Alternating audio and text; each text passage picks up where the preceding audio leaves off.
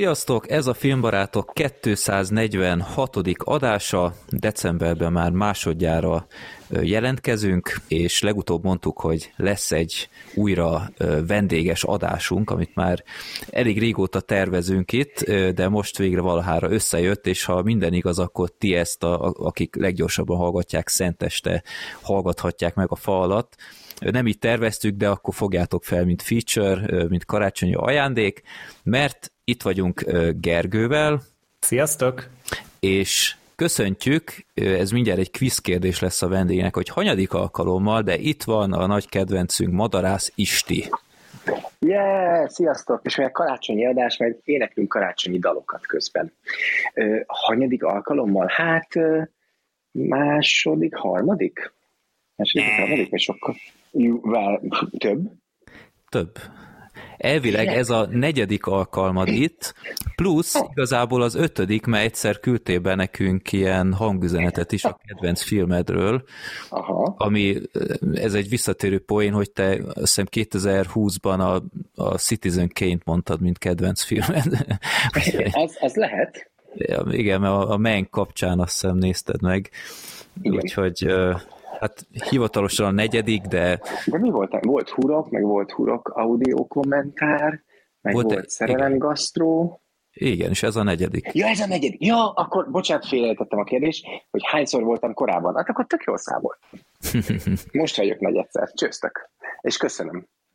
Itt már el is árultad a előbeszélgetésben, hogy a, a filmbarátok első adásodra, hogy többen megszólítanak, hogy... De ez, ez, ez így van, hogy, hogy amikor, amikor valami új emberrel találkozom, vagy jaj, látta a húrkot, de hogy onnan tudok, hogy hallgattam a filmbarátok podcastet, és ezt olyan sokszor hall, hallom vissza, hogy lassan most már én is meg fogom hallgatni egyszer, hogy úristen, mi, mi terjed rólam, mit, mit tudnak rólam az emberek, ha onnan ismernek. De az, az valami nagyon népszerű lett. Hál' uh-huh. Istennek. Itt az átjáróház kapcsán egyébként én is jobban vagyok a, a pamkutyáékkal, Aha. és rájuk is írtam, hogy Grata cameóhoz, mert én ezt már kicsit el is felejtettem, úgyhogy ott meglepődtem, és um, írt később egy ilyen posztot a, a film premierjénél, és ő is azt írta, hogy hogy onnan ismert téged, hogy náluk lehetett téged hallani a hurok kapcsán. Tessék, tessék. Hogy... Ezt mi lett belőlük? Formáljuk a közízlést. Így van. Ja. Nagyon jó. Úgyhogy örülök, hogy itt lehetek tényleg. Az átjáróház ugye megjelent egy hete? Egy hete, vagy két hete, bocsánat. Most már, most már, milyen nap van? Most már, sőt, tehát ma kezdtük a harmadik hetét. Ma kezdtük, ja így van, igen. igen. December 8-án startolt. Igen. És posztoltam is, hogy szerintem, ami nem elővetítés, hanem sima premier vetítés, szerintem én voltam az országban a legelső ember, aki látta. Na mikor nézett csütörtök? Csüt, csütörtök, mert ugye itt a, a rezsi para óta ugye később nyitnak a mozik. Igen, igen. És Oké, okay. csak chipset eszel, vagy? Ja, nem, le, le, pakoltam itt beszélni, de ja, kész vagyok. Oké, okay, oké. Okay. Azt hittem, hogy ajándékot csomagolom. Ki kell használni. Hogy a, a Corvinban néztem meg, a legelső vetítése valami 14 valahánykor, és hát sajnálom, de egyedül voltam, úgyhogy ez egy ilyen nagyon exkluzív vetítés volt, de megnéztem, hogy Budapesten egészen biztosan én voltam a legelső, mert nem volt korábbi előadás, és vidéken ugye még később Aha. kezdenek, úgyhogy... Hát ez nagyon, ez nagyon szívmelengető. Én, én nyertem. Jó. Hát az átjáróházról biztosan már sokat dumáltál itt az előző hetekben, és igyekeztem olyan kérdéseket összegyűjteni, amiket talán nem kellett már 65-ször elmondani, de nagyon mérges voltam, hogy sokszor, amikor átfutottam azokat az interjúkat, előtték a kérdésemet, úgyhogy... Oh. Tedd föl még egyszer. Nem beszéltem olyan sokat, mint gondoltam, vagy mint korábbi filmeknél. Most valahogy nem sikerült olyan nagyon izmosra ez a média kampány, úgyhogy még bennem van sok minden. Uh-huh, uh-huh. Jó, um, itt nemrég talán a legutóbbi interjú a, a Telexen jelent meg, és Aha. Hát Isti, én, én nem örültem ennek az interjúnak, mert ilyen negatívan téged még sosem ismertelek meg, tehát annyira nem tudom, hogy csak rossz paszba voltál, vagy tényleg ennyire másképp látsz már dolgokat. Én, én nagyon, nagyon elkeseredett voltam, miközben olvastam, mert te is ja, elkeseredett voltál. Nem, nem voltam elkeseredett, egy picit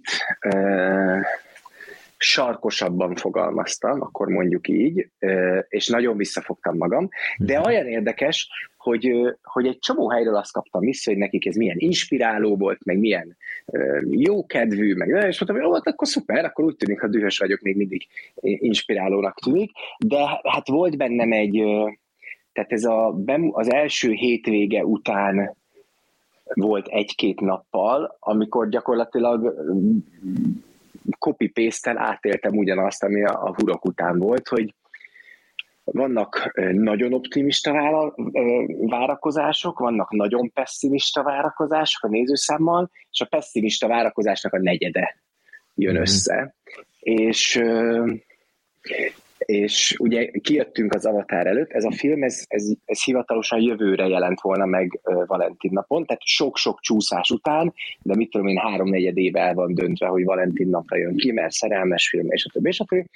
És ősszel egyszer csak kitalálták néhányan, hogy ez milyen jó poén lenne decemberben bemutatni, mert hogy az Avatar miatt annyi filmet elmozdítottak decemberről, hogy most ott, ott felszabadultak a helyek, és nem is lesz nagyon betétás, és oké, az avatár ott van, de ugye kinézi az avatárt, és akkor, és akkor mutassák volt. És, és ezt elmondtam, szóval hogy ez a része valóban még most is frusztrál, de nem, nem csalódott vagyok, inkább, inkább eltökélt mások, más irányokba, hogy nálunk nem úgy van összerakva a rendszer, hogy én, én ehhez nagyon sok mindent hozzáfűzhetek. Uh-huh. Rá, ráadásul én most forgattam ezt a Tündérkert sorozatot, és nyolcadikán, amikor bemutatják a filmet, meg mondjuk az előtte levő egy-két hétben, amikor lenne valami médiakampány, én még bőven forgattam. Én december 15-ig forgattam, és mondtam, hogy gyerekek, én nem leszek itt. Uh-huh. És az volt a mondás, hogy nem baj. És, és én meg egy olyan fiú vagyok, aki azt mondja, hogy oké, okay, ti vagytok a szakemberek, ez jó lesz, és aztán bemutatták a filmet, szerintem különösebben látható kampány nélkül, és, és kijöttek a számok, és erre én marha dühös voltam, és nem, nem az volt, hogy ugye én megmondtam, hanem inkább az volt, hogy hát ez azért elég, elég sok év elkészíteni egy ilyen filmet, egy ilyen bemutatóra, és ez, ez dühítő. Ami ezt az egészet egyébként finomítja, és amiért nem leszek különösebben kiakadva, az az, hogy hál' Istennek, vagy sajnos mindenki pontosan tudja, hogy ez majd márciusban, vagy áprilisban ott lesz az HBO-n, vagy a Netflixen. Ezért az emberek sem nagyon tülekednek, hogy ezt most mindenképpen meg kell nézni moziba. Plusz tök jó volt ez az avatáros ö, nyomasztás a fejünk fölött, de például a VB-ről soha nem volt szó, hogy ez ekkor van. És a VB hetében bemutatni Magyarországon egy filmet, az, az nem olyan okos. Hát azért is volt ez számomra teljesen érthetetlen, a teljesen logikus dolgok miatt, amit mondtál, hogy Avatar meg foci VB, uh-huh. hogy ott volt például az ősz, ahol Igen. alig ment bármi is, tehát itt én, én szerintem mindannyian elég gyakran mozizunk, Igen. és itt voltak, volt egy jó másfél, talán két hónap is, amikor szinte semmi ingerem nem volt kimozdulni, mert egyszerűen annyira nem jelent meg semmi, és ez a film, ez volt már olyan állapotban, hogy akár ősszel ki lehetett volna rakni? Hát az a baj, hogy amikor ez tavasszal, vagy nyáron, vagy akármikor ki volt mondva, hogy ez Valentin nap, így lett az utómunka timingolva. Tehát ősszel nem lehetett volna kirakni, hmm. de májusban lehetett volna azt mondani, legyen tavasszal, ősszel, és akkor lehetett volna, és most erre a karácsonyi bemutatóra is, ő, vagy izé, decemberi bemutatóra is ilyen őrült kapkodás volt októberben, hogy be legyen fejezve, de hogy annyira megéri decemberben bemutatni, mert olyan számokat fog csinálni a film a karácsony, meg a két ünnep, meg minden miatt, hogy ihaj. És legjobb reményekkel együtt mondtam, hogy hát hajrá, de mondom, én erre csak bólogatni tudok, és igazából, ha majd mondd el, hogy miért érezted pessimistának azt a telexet, vagy hozzám képes, de inkább az volt bennem, hogy na jó, ez így nem. És, de ez nem a film készítésre vonatkozott egyébként, tehát uh-huh. engem, nekem nem a film készítésre vonatkozik az, hogy így nem, hanem a, a játszótársak megválasztására. Igen. Hát azt mondtad, hogy legközelebb már ebben akarsz beleszólást. Igen, és, és hál' Istennek úgy alakulnak a dolgok, meg mióta ez az interjú elkészült, azóta történtek olyan fejlemények, amik miatt én ötször olyan optimista vagyok, mint valaha. Hmm. És, és, és afelé, afelé mutat, hogy az én következő filmem nem biztos, hogy magyar pénzből fog készülni. És ez engem moarhára felvillanyoz. És ennek volt amúgy közelhez a fejleményhez az átjáróháznak, vagy ez egy teljesen független? Nem, nem, ez abszolút az átjáróház. Tehát nekem az átjáróházzal az az egyik ö, legfontosabb célom, hogy ezt olyan helyeken tudjam ö, mutogatni, ahol azt mondják, hogy na, ez, ez, a, ez, a, ez a csávó, ez érdekes. És az az igazság, hogy ez már a huroknál is megtörtént, tehát a hurak után engem megkeresett az Európa Corp, a Luc Bessonnak a cége, egy úriember, hogy ő a Young Talent Manager az Európa Corpnál, látta a hurok előzetesét, beszéljünk. És, és, és az, az, az ebben a műfajban a legérdekesebb, és ezt mindenki elmondja, aki ebben már előttem járt, hogy ez a telefon, vagy ez a beszélgetés, ez szinte elkerülhetetlenül eljön egy ember életében, ha csinál valami izgalmasabb dolgot, az már másik kérdés, hogy 95%-ban semmi nem lesz belőle, de maga a beszélgetés az elkezdődik. És ez a húroknál pontosan ez történt, hogy elkezdődött a beszélgetés, majd nem lett belőle semmi. Most pedig megint újra indulnak ilyen beszélgetések, csak most hirtelen előjöttek lehetséges projektek, és, és, és tudtam olyat mondani, amitől potens embereknek felcsillant a szeme. Most, most itt tartunk. És most el, le kell írnom néhány dolgot, meg meg kell mutatni, meg meg akarják nézni az átjáróházat egy páran. Szóval hál' Istennek, ö, ja, és ö, ezeknek több köze van a streaminghez, mint a mozihoz. Uh-huh. Tehát, hogy és erre utaltam én a, az interjúban, ami talán pessimistának tűnt, de ez inkább egy ilyen, inkább ez egy ilyen felismerés, hogy, hogy egyre kevesebb értelme van, nem tudom milyen jó megfogalmazás, ezt a hagyományos modellt lökni. Én ezt szeretném a legjobban.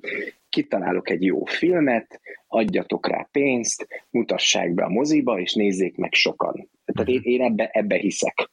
De most úgy tűnik, hogy hogy ez a kapu legalábbis Magyarországon nagyon-nagyon, tehát egy kapu lett belőle, és az is nagyon csak résnyire van nyitva, hogy hogy lehet Magyarországon mozifilmet csinálni, viszont elmondhatatlanul sok kontentet akarnak gyártani streaming csatornákra, és, és ott pedig sokkal nagyobb az érdeklődés pont a, a furcsább vagy nísebb műfajok felé.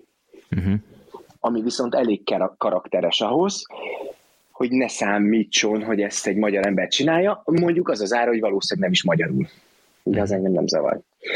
Úgyhogy ezek most még csak ilyen kis reménysugarak, csak, csak pont, pont a jó szögből jönnek. És amúgy, tehát Magyarországon milyen streaming irányba lehet amúgy mocorogni? Mert ugye a Netflixnek nincsen saját gyártása a régióban jelenleg. Az HBO Max az ugye most nyírta ki Igen. elég módszeresen ezt a részt. Igen. Más meg most persze a Sky Showtime, Disney Plus, mit tudom én, de ő, rajtuk meg nem látom azt annyira, hogy ilyen régió specifikus dolgokat akarnának csinálni. Nem, ebben teljesen igazad van, tehát hogy ez nem, ez nem magyarországos régiós streaming csatornás dolog. Uh-huh. Tehát ez, ez, ez, ez messzebb, messzebb van egy picit, de az, az kétségtelen így a beszélgetéseken vagy alapján, hogy attól függetlenül ez a dolog jön. Tehát biztos, hogy lesz magyarországi gyártás, ez csak időkérdése. Aha. És, és egyre, és, és szerintem, tehát a Netflix is fog gyártani Magyarországon, meg, a, meg az én nem tudom micsoda is fog gyártani Magyarországon, előbb vagy utóbb, az elsőt tök nehéz megcsinálni, ennél könnyebb nem régiós gyártásba bekerülni, ha egyszer már észre, észrevesznek. És akkor annak semmi köze nincs Magyarországhoz, csak annyi, hogy én magyar vagyok. Plusz, De és tudok, akkor mondjuk ez azt is jelentené, hogy mondjuk ez akkor nem jut el Magyarországra?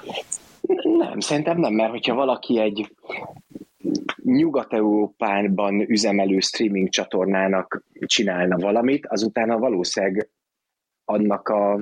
Tehát ha tegyük fel, ha ez most mondjuk a Netflix lenne, akkor, akkor a mi Netflixünkön valószínűleg ez ugyanúgy látszódna. Ez igaz. Ez, ez az egyik. A másik, pont az ilyen közreműködések tudná, tudnák meglökni szerintem egyébként a régiós gyártást.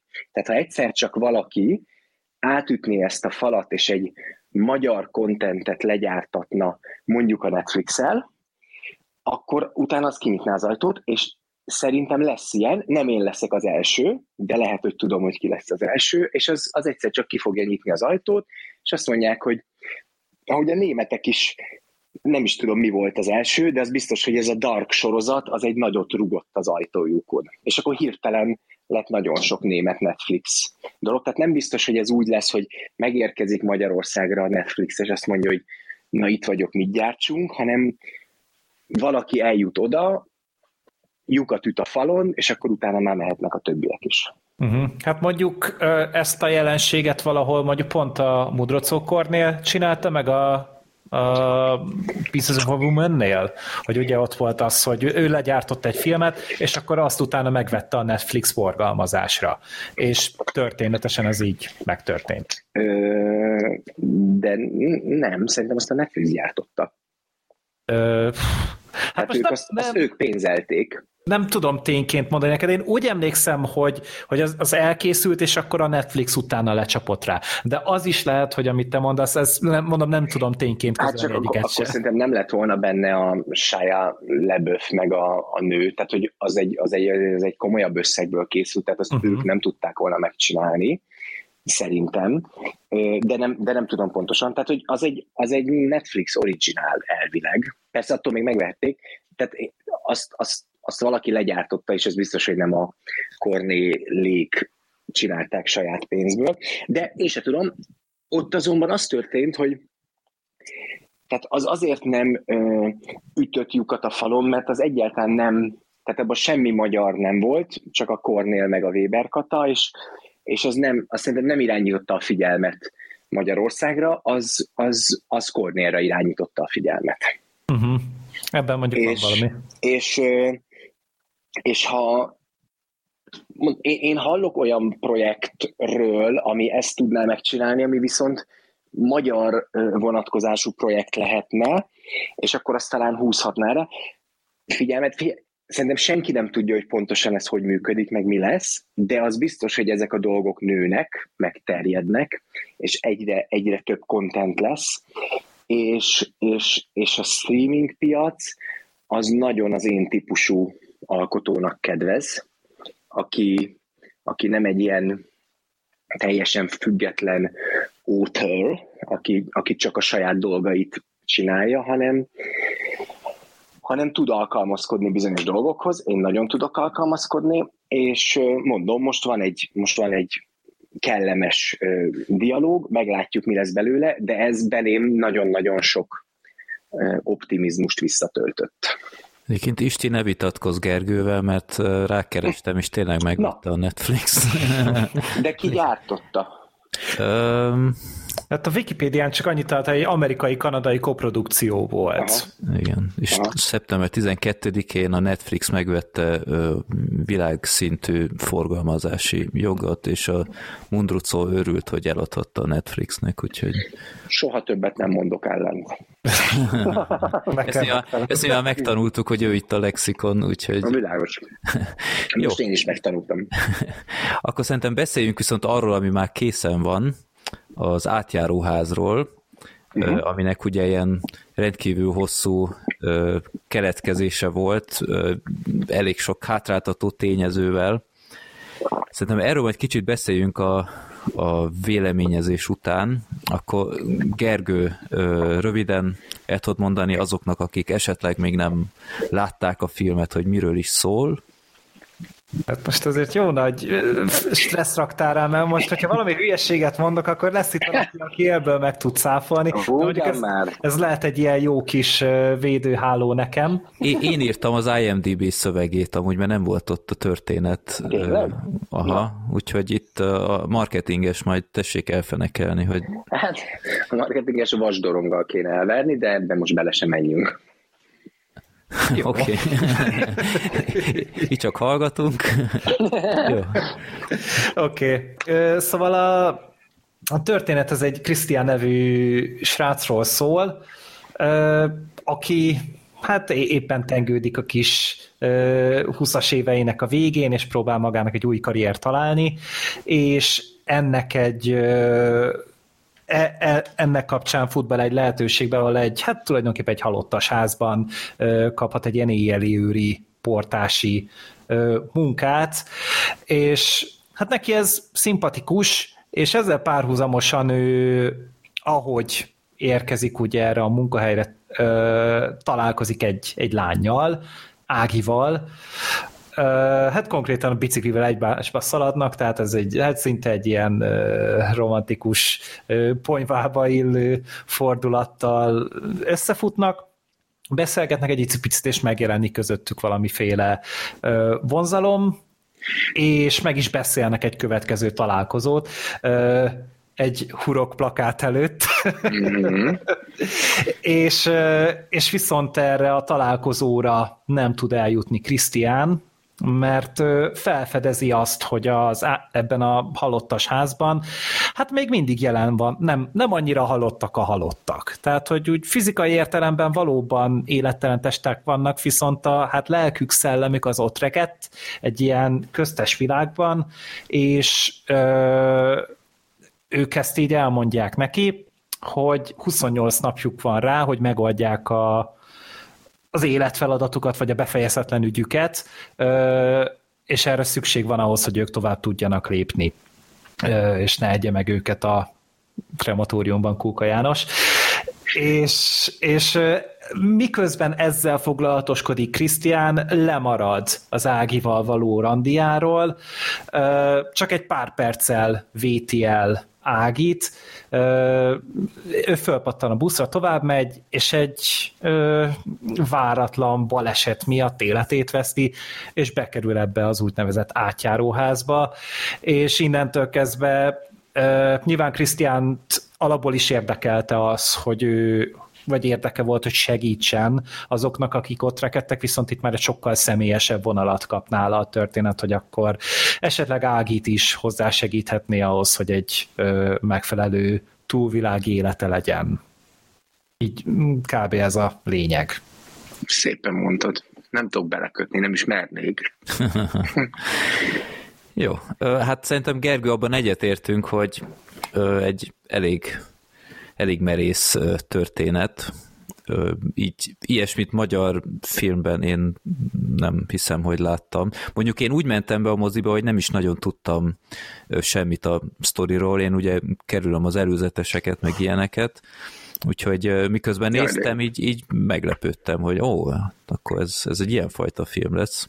Hát én is amúgy így voltam, tehát hogy még az alapsztorit se tudtam meg azt, hogy, hogy mi lesz. Annyit tudtam, hogy valamilyen halottos háznak köze van hozzá, de hogy azon kívül, hogy most ez egy ilyen kicsit földhöz ragadtabb történet lesz, vagy kicsit lesz benne egy ilyen varázslatos vonal, vagy pedig full misztikumba nyomják, tehát erről halványilag gőzöm sem volt és ehhez képest amúgy nagyon örültem, hogy egy kicsit ilyen, nekem a, az Éjszaka Múzeumban jutott eszembe, egy kicsit ilyen deltórós mm-hmm. beütése, meg némi Tim Burtonnel itt ott, de inkább a, mint hogyha a Del Toro csinálta volna az Éjszaka a Múzeumban. Mm-hmm ez nekem még nagyon tetszik eddig. van ez a másik film, a, az éjjeli őre a hullaházban igazából. Azt is De nagyon lehet. érdekes. Az a durva, hogy én azt nem láttam. Azt mindenki mondja, és most már meg kell néznem. Másfajta film, mint a tiéd. Tehát abban túl sok romantikát nem fogsz találni. A, a, a borítója rémlik, az, az a Ivan McGregor van benne? Az, az a remake készült. Az a remake, e, jaj, az, az ami skandináv. Vagy aha, aha. Igen, azt hiszem, hogy Dán eredeti van, én azt láttam, de engem így egyébként vizualitásban az átjáróház nagyban emlékeztetett viszont a Liza Róka tündére, nem tudom, Gergő, neked is eszedbe jutott-e? A színvilága talán, de, de hogy annyira a vizualitása talán nem, tehát a, a Liza Róka tündér az, az sokkal, sokkal több LSD-t szedett be szerintem, mint, a, mint az átjáróház, de, de van, van, van amúgy alapja. Hát ilyen, ilyen Wes Andersonos beütése is van szerintem, meg ugye ami, én majd később ki akarok térni, ez a világ, ami, amiben játszódik, hogy ilyen kicsit megfoghatatlan, mert egy pillanatban azt hittem, hogy ja, hogy ez ilyen 60-as, 70-es években játszódik, de közben meg modern kocsik vannak helyenként, de a, a tömegközlekedés viszont ilyen 60-as uh-huh. évek, tehát uh-huh. ez egy ilyen fura kontraszt volt számomra, hogy közben meg uh, okos telefont is használ, de például az, a, az éjjelőri portájánál meg egy ilyen teljesen Régit. megfoghatatlan működésű ilyen, ilyen nyomogató tárcsás akármi van, úgyhogy erről majd mindenképp akarok beszélni, de igen, szóval okay. Szóval igen, szóval van, van egy nagy egyediség ebben a filmben.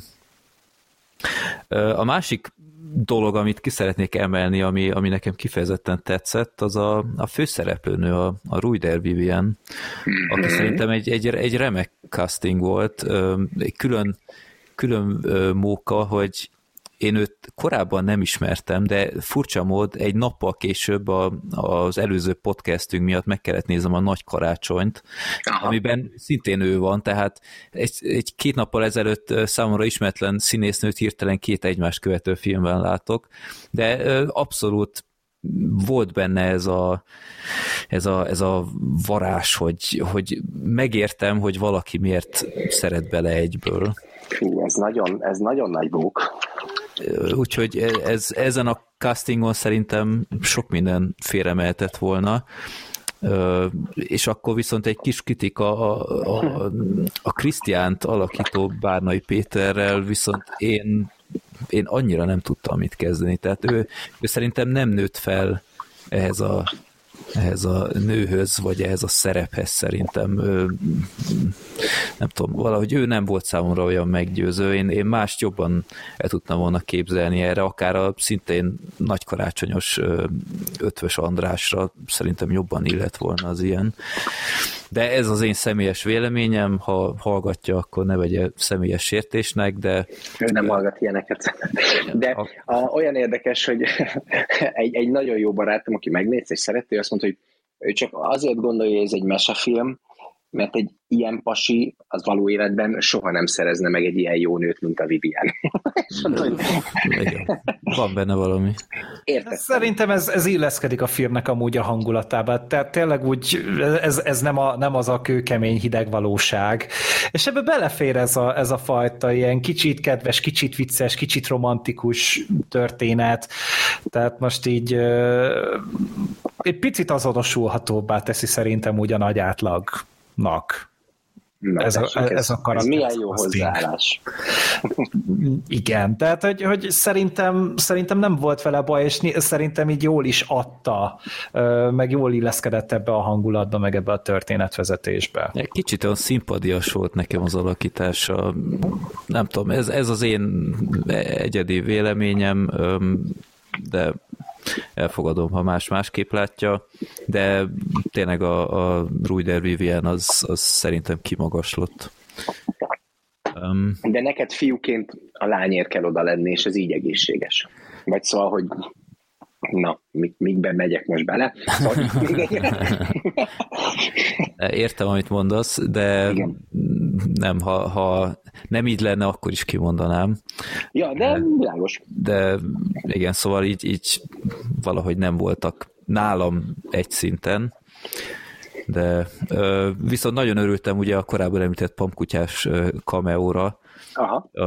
Azt is olvastam, hogy ugye annyi ideje elhúzódott az egész, hogy ők már rég leadták az inkognitót, és, és de, de egyébként szerintem egyáltalán nem baj, hogy megtartották ezt a szemüveget, mert ehhez a hullacipelős szerephez, meg ebben az overálhoz abszolút, tehát kicsit olyan steampunkossá tette az Így egészet. Van. A, a vicc az, hogy mi a forgatáson, tehát hogy ez, erről külön beszélgettünk, meg kitaláltuk, hogy tehát hogy lesz az, hogy még véletlenül se verkfotókon vagy valamin, nehogy ott legyenek szemüveg nélkül. Tehát ugye most azért vicces ez utólag, mert mi erre így nagyon figyeltünk, ahogy ők nagyon figyeltek magukra, hogy az oké, okay, hogy a filmben is szemüvegbe szerepelnek, de nehogy amikor, mert nagyon, tehát nagyon jóba lettünk, és nagyon élvezték a forgatást, úgyhogy nagyon sokszor kijöttek a forgatásra, akkor is, amikor nem volt jelenetük. Uh-huh. És, és nagyon sokat ott kint lógtak, és, és, és dumáltunk, és, és, és jól el voltunk, és erre ugye azért odafigyeltünk, hogy, hogy a verkfotókról őket le kell vágni, vagy, vagy ne legyenek rajta, hogy tehát ki ne szivárogjon az ő identitásuk, az puff neki. Uh-huh. Felfedték magukat. Igen. Hát nem, azért az pénzetekben nem került. nem, pénzünkben nem, csak, de hát ugye az volt a vicces, hogy a, van egy ilyen temetés jelenet, és ott pedig a Kodász András játsza a papot, és aztán ő is most visszalépett a papi szolgálatból, tehát aki ebben a filmben feltűnik, az utána valami identitás cserén megy keresztül, mire ez a film megjelenik. Ja. De abszolút elég vad színészgárdát sikerült összeszereznetek, tehát én, én bevallom, nem vagyok egy nagy galla rajongó, mert a humorával nem, nagyon nem tudok mit kezdeni, de valahogy, valahogy ehhez az őrült szerephez szerintem még ő is illet. Ugye? Én Igen. Igen, úgyhogy meg tényleg a, a Tobó Árpa páros, meg ugye akár csak a halottak között is olyan ismert arcok vannak, akiknek nem feltétlen tudja mindenki a nevét, de száz mindenben látta, akár csak ugye idén a nyugati nyaralásban már uh-huh. főszerepet is kapott a, most nem tudom a nevét az úriembernek, a bajszos... A a Mészáros Máté. Ő, ő, igen. Igen. Úgyhogy igen, szóval tényleg egy, egy nagyon impozáns gárda jött össze. Ott, ott az volt egyébként a koncepció, amikor már nagyjából láttuk, hogy kik a főszereplők, hogy amit egyébként kritikaként is felhoznak, hogy tehát akinek nem tetszik a film, az, az általában azt mondja neki, hogy látszik, hogy hát ez olyan, mint egy élő szereplős rajzfilm, és hogy annyira van komolyan vegyve amit én egyébként elképesztő bóknak veszek, mert nekem ez az élő szereplős rajzfilm, ez egy nagy mantrám, ez nem biztos, hogy okos dolog, meg az sem biztos, hogy jól sül el, de amikor például ezt a mellékszereplő gárdát terveztük, akkor én mindenkinek azt mondtam, hogy úgy képzeljétek el, mint egy Pixar rajzfilmben a főhősöket körbevevő ilyen freak show-t. És, és tehát, hogyha ez lenne a szörnyerté, akkor, akkor legyenek körülöttük ilyen mindenféle furcsa emberke, és, és ezt mondtam, hogy és legyen magas, alacsony, csúnya, szép, kövér, sovány, nagyfejű, kisfejű, hosszúkarú, akármi, hogy egy, hogy egy ilyen nagyon színes kis kompánia legyen, és öröm volt ehhez megtalálni ezeket az egyébként nagyon profi, nagyon sokat játszó, de tulajdonképpen nem nagyon ismert színészeket. Akik közül a legtöbb az már 30 éve egyébként színpadon van, csak soha nem láttad semmibe. Igen. Meg ugye, hát nem említettük a, a Kulka János, Igen. ugye egy nagyon szokatlan szerepben. Én, én ugye ilyen szomszédok ultra vagyok, tehát ilyen, ilyen heves, heves szomszédok maraton tartunk itt családilag, idén nézt, vagy ma néztük meg a 201. részt, úgyhogy már csak 130 van hátra, és furcsa volt őt Magenheim doktort látni egy ilyen, hát nem is tudom, milyen ördögi szerepben, de az az annyira átjött, hogy ő ezt mennyire élvezi. Nagyon. Hogy, hogy egy ilyen fajta dolgot eljátszhat, amit szerintem soha előtte és soha utána. Igen. Ugye ő neki nagyon kevés ilyen beszéd jelenete volt, ugye neki Igen. volt a, a stroke Igen. úgyhogy ott az nyilván utószinkron volt, azt így lehetett is hallani, hogy ilyen GPS-sített, vagy nem tudom, ilyen, ilyen démonosított hangja van. a hogy, démon effekt rajta volt. Hogy milyen volt vele forgatni? Figyelj, igazából szuper volt, és az az nekem tök fontos, hogy nem az volt, amit sokan gondolnak, hogy volt egy szerep, meg egy karakter, és amikor valahogy megszereztük a kulkát, akkor kiirtottuk a mondatokat, hanem miután elkészült a forgatókönyvnek a végeges verziója, akkor, akkor egymásra néztünk a Veres Attilával, aki a forgatókönyvíró, hogy milyen érdekes, hogy van egy tök érdekes, már-már epikus uh, főgonoszunk, tehát a magyar filmekben nem szokott lenni ilyen, ilyen démoni főgonosz, és, és ez egy tök érdekes karakter, de az egész filmben tulajdonképpen csak két mondatot mond, és nem mi szedtük ki, hanem ennyi. És akkor rögtön jött, hogy basszus, akkor ez lehetne a kulka, aki, aki nem tud jól beszélni, illetve az az érdekes, hogy amúgy beszélni tud, szöveget mondani nem tud, uh-huh. és Viszont van egy nagyon erős kiállása. Tehát, hogyha csak meg kell állnia és nézni a kamerába, akkor a kulka még mindig kulka. És olyan szemöldöke van, meg olyan nézése. És akkor elmentem hozzá beszélgetni, és, és nagyon, tehát nagyon jól állt rögtön hozzá, mert ő is azt érezte, hogy ez ami nagyon furcsa dolog, meg be tudom én lelkesíteni az embereket, ha nagyon akarom. És aztán pedig tehát, hogy kicsit félt, hogy, hogy ez ilyen kaszkadőr jelent, meg olyan kaszkadőr jelent, és mondtuk, hogy pont ez a jó ebben, hogy olyan a, a jelmeze, hogy, hogy viszonylag könnyen tudjuk őt helyettesíteni, mert ő maga is mondta, hogy nem tudja, hogy mennyit fog bírni fizikailag. Tehát ő nem tud 12 órát végigforgatni, mert egyszerűen elfárad. Igen. És, és ezt mi maximálisan figyelembe vettük, meg figyelembe tudtuk venni, és innentől kezdve megvolt a bizalom, és, és, és nagyon élvezte, és nagyon felszabadult volt. Azért ugye vele kapcsolatban az fontos, hogy ő egy, ő egy teljesen, tehát a sztrókja után is, ő egy teljesen értelmes ember maradt, csak bizonyos képességei megsérültek, leginkább a beszédközpont. De ő pontosan tudja, hogy ő ki volt színészként. És ez nagyon frusztráló, hogy ezt már nem tudja csinálni. Én meg azt éreztem, hogy most egy picit így felszabadul abban, hogy viszont olyan dolgokat kell most csinálnia, amit tud. Tehát menni, jönni, nézni, max, tehát iszonyú erős jelenlétet kellett generálni, ami színész feladat, csak elsősorban nem szöveggel. Ráadásul egy picit biceg, és ezt beleépítettük a karakterbe. Úgyhogy Úgyhogy én azt éreztem, hogy ő, ő, ő nagyon élvezi, és amikor voltak ezek a tűzokádó jelenetek, akkor meg, akkor meg annyira jó volt, hogy ugye utólag lett a tűz a szájába rakni, rakva, mert az fontos, hogy ez nem, az nem digitális tűz, hanem azt igazi lángszórókkal vettük fel, és ez a világ legjobb dolga lángszóróval szórakozni, és úgy lett bele kompozitálva a szájába, de ahhoz, hogy azért az tényleg úgy a, környezetre is hatással legyen ez a tűz, ezért a kulkának a szájába beraktunk egy, egy, egy lámpát, ami, ami miközben ő kvázi okádja a tüzet, bevilágítja a száját, meg a torkát, meg minden.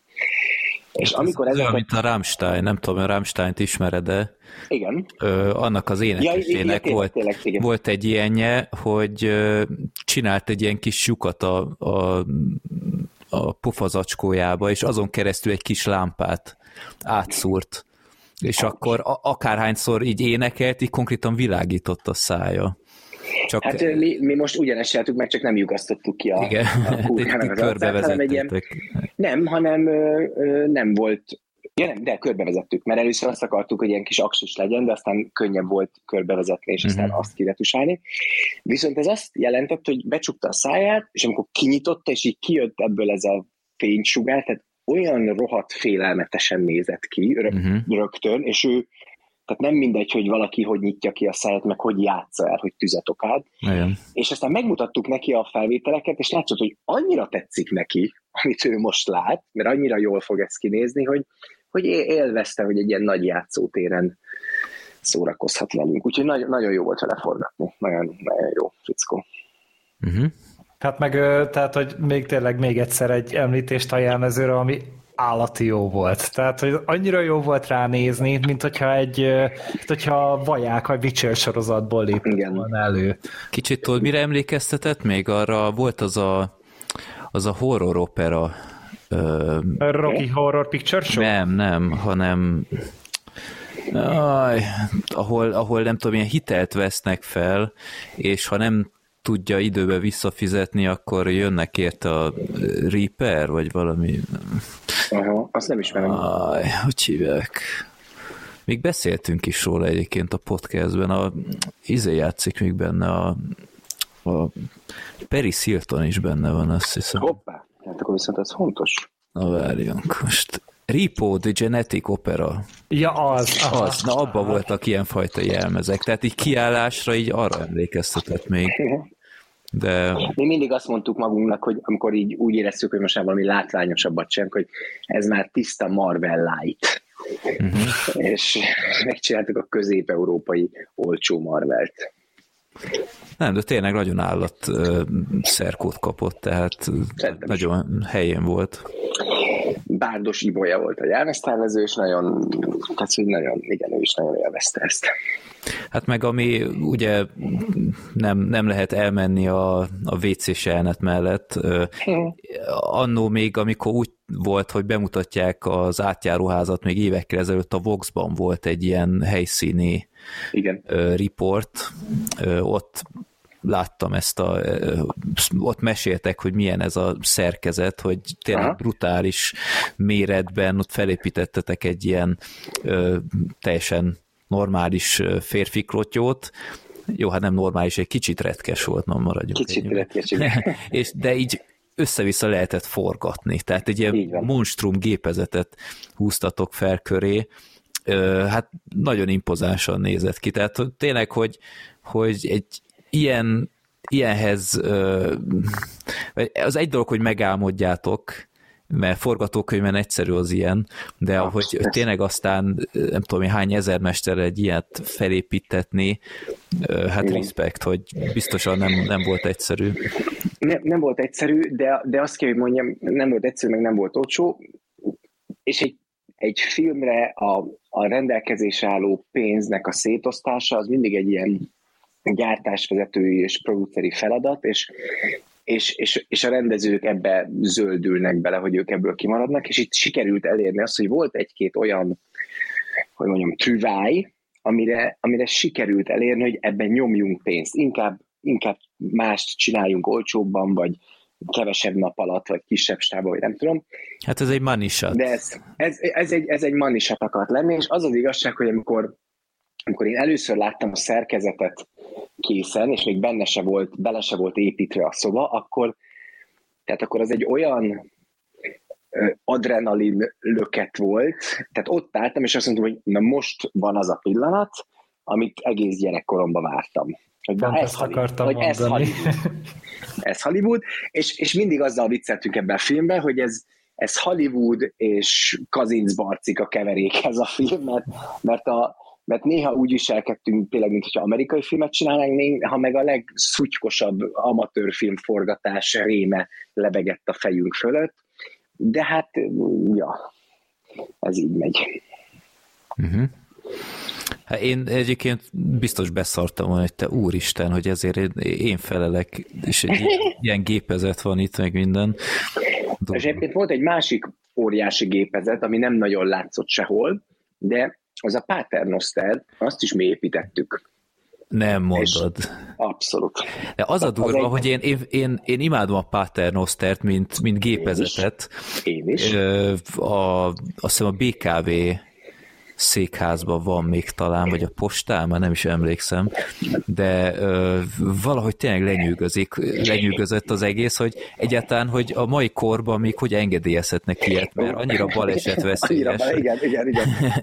De, de tényleg lenyűgöző, és hát gondolom te is volt már, hogy végigmentél a... Persze, a... igen, és, és, és, és tehát, hogy nekem a Paternosterben, igen, nekem is azt tetszik, hogy ez egy olyan idejét múlt, veszélyesnek tűnő, nem hatékony, csörgő-zörgő valami, de az egésznek mégis van egy ilyen misztikus, Igen. mítikus kisugárzása. És amikor ezt az egész hullaházas dolgot terveztük, akkor, akkor én mondtam, ez az eredeti forgatókönyvben még nem is volt, hogy, hogy nagyon fontos, hogy legyenek szintek, tehát legyen egy alsó szint, ahol nem van a boncmester meg és ez nagyon fontos, hogy a paternoszterrel kell lemenni. Ami marha jól hangzik, oké, okay, de hol forgatjuk a filmet, nem tudjuk, és akkor egyszer csak kiderült, hogy az egy dolog, hogy hol forgatjuk a filmet, de hol van egyáltalán Paternoster? És a, régi tévészékházban volt, működő Paternoster a belügyminisztériumban van. Mm. És hát éreztük, hogy ott nem fogunk forgatni, de például elment, beengedtek minket, tehát elmentünk a belügyminisztériumba, és három órán keresztül a Paternostert fotózgattuk, felmértük, tehát így, így meg, megértettük a működését, és aztán nagyon sokáig úgy volt, hogy ez tehát, hogy lesz egy fülke, amiben mindig be lehet lépni, de nem, nem mozdul meg, és aztán az a, az a, az a cég, akik, akik építették a forgó szerkezetet, velük beszélgettük, és mondták, hogy hát de tulajdonképpen ennek egy három emeletes dolgot kell építeni, mert ugye a középen kell lennie a, a játszószintnek, és onnan kell tudni fölfele menni, meg lefele menni, de még át is kell fordulni, tehát tulajdonképpen az öt emelet, jó, hát akkor mondjuk 13 méter magas, mi fér be a műterembe, és megépült, de ez azt kellett, hogy ez az egész folyosó az 6 méter magasan van megépítve, hiszen a paternoszternek el kell indulnia lefele, és meg kell tudni fordulni, de ez az egész működött, kivéve, mikor mondjuk három óránként elromlott, meg beszorult, és akkor a flexekkel vágták ki mindig az oldalát, és volt olyan, hogy a színész elindult lefele, megakadt, és akkor várt egy fél órát, még ki, kivágták belőle. Úgyhogy tehát nagyon stresszes volt forgatni, de közben meg annyira ikonikus ez az egész, hogy ott van ez a folyosó, és ha megnézitek, akkor ilyen koporsó alakú a díszítése a uh-huh. magának a paternosztának, szóval tehát én azt marhára élveztem, hogy egy picit úgy viselkedtünk, egy picit, és majd amikor rákérdezel újra az autókra, meg a világára, meg hogy ez miért volt ilyen kevert, szóval voltak olyan részei, amit úgy tudtunk kontrollálni, ahogy ezt egy, ahogy egy külföldi filmben mindent kontrollálnának. Uh-huh. És, és, a, és a hullaház belseje az ilyen volt, hogy a mi folyosónk, a mi plafonunk, a mi oszlopunk, a mi páternoszterünk, a mi WC díszletünk. És én, és én nagyon élveztem ezt, nagyon rákaptam, meg nagyon Szóval meg kell tapasztalnod azt, hogy tud, hogy, hogy igazából te mit szeretsz, meg mit akarsz, és én rájöttem, hogy én ezt, én ezt szerettem, meg ezt akarom. Közben felmentem a Paternoster Wikipédia oldalára, és így beszartam, hogy hány Paternoster van még csak Budapesten. Tényleg? Na, szuper. Itt a, a elműszékháztól kezdve a, a Magyar Államkincstár épületéig, BKV, OTP székház, kemény.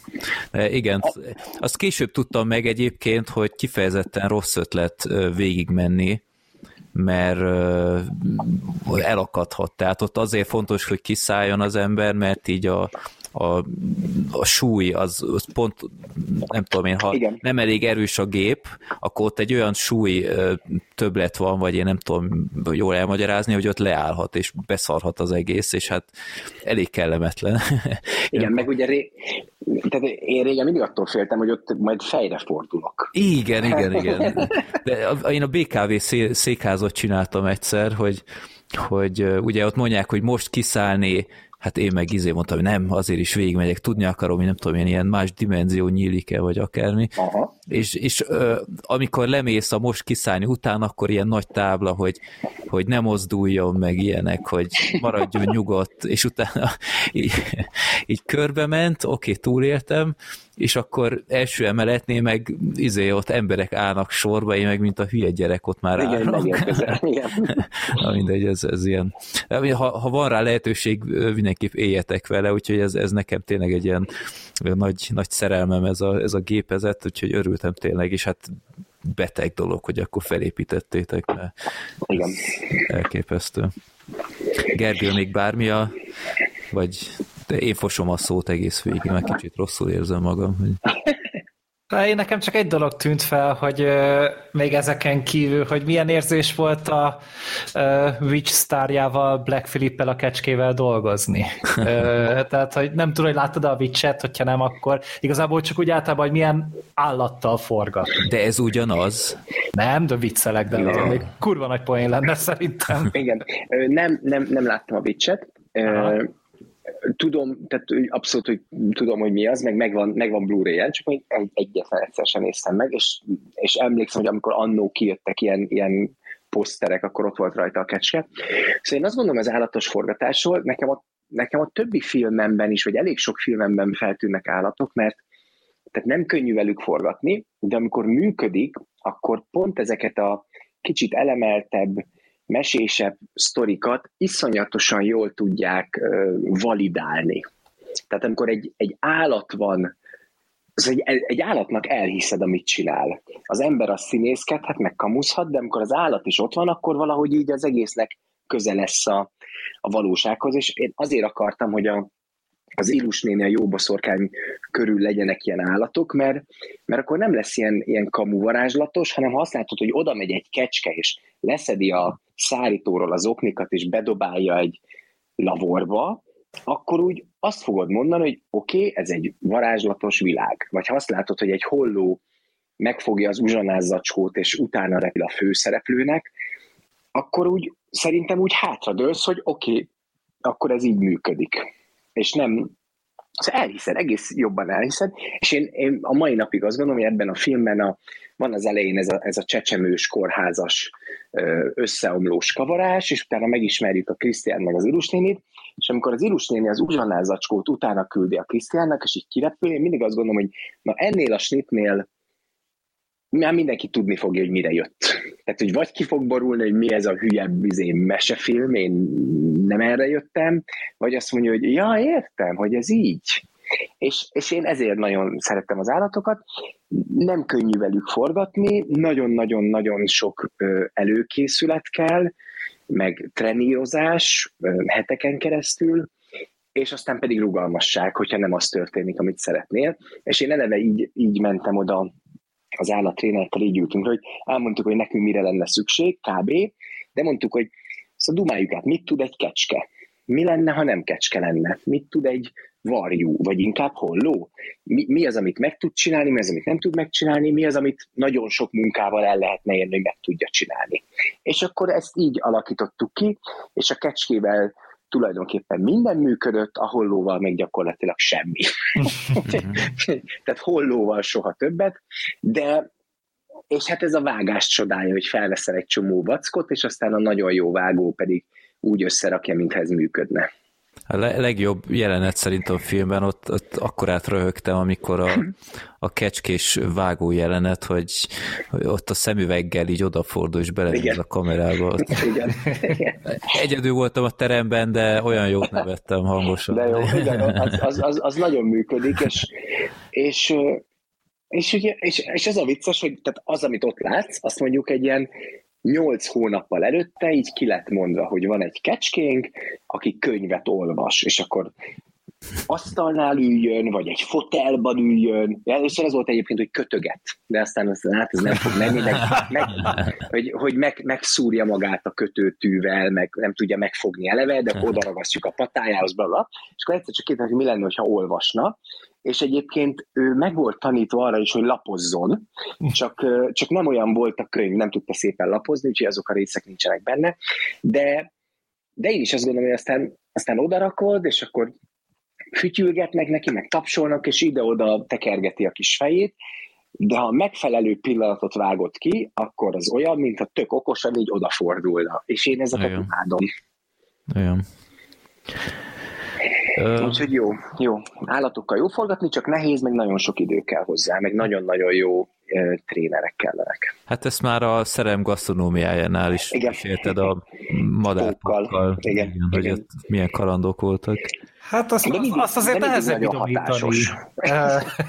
az a vicces, hogy mindent lehet idomítani. Tehát, hogy mm. most tehát mindent lehet idomítani valamilyen szinten, tehát kajával lehet őket motiválni, meg kaja megvonással, tehát mindig mondják, hogy na, izé, három napja nem kapott kaját, úgyhogy most nagyon meg fogja csinálni.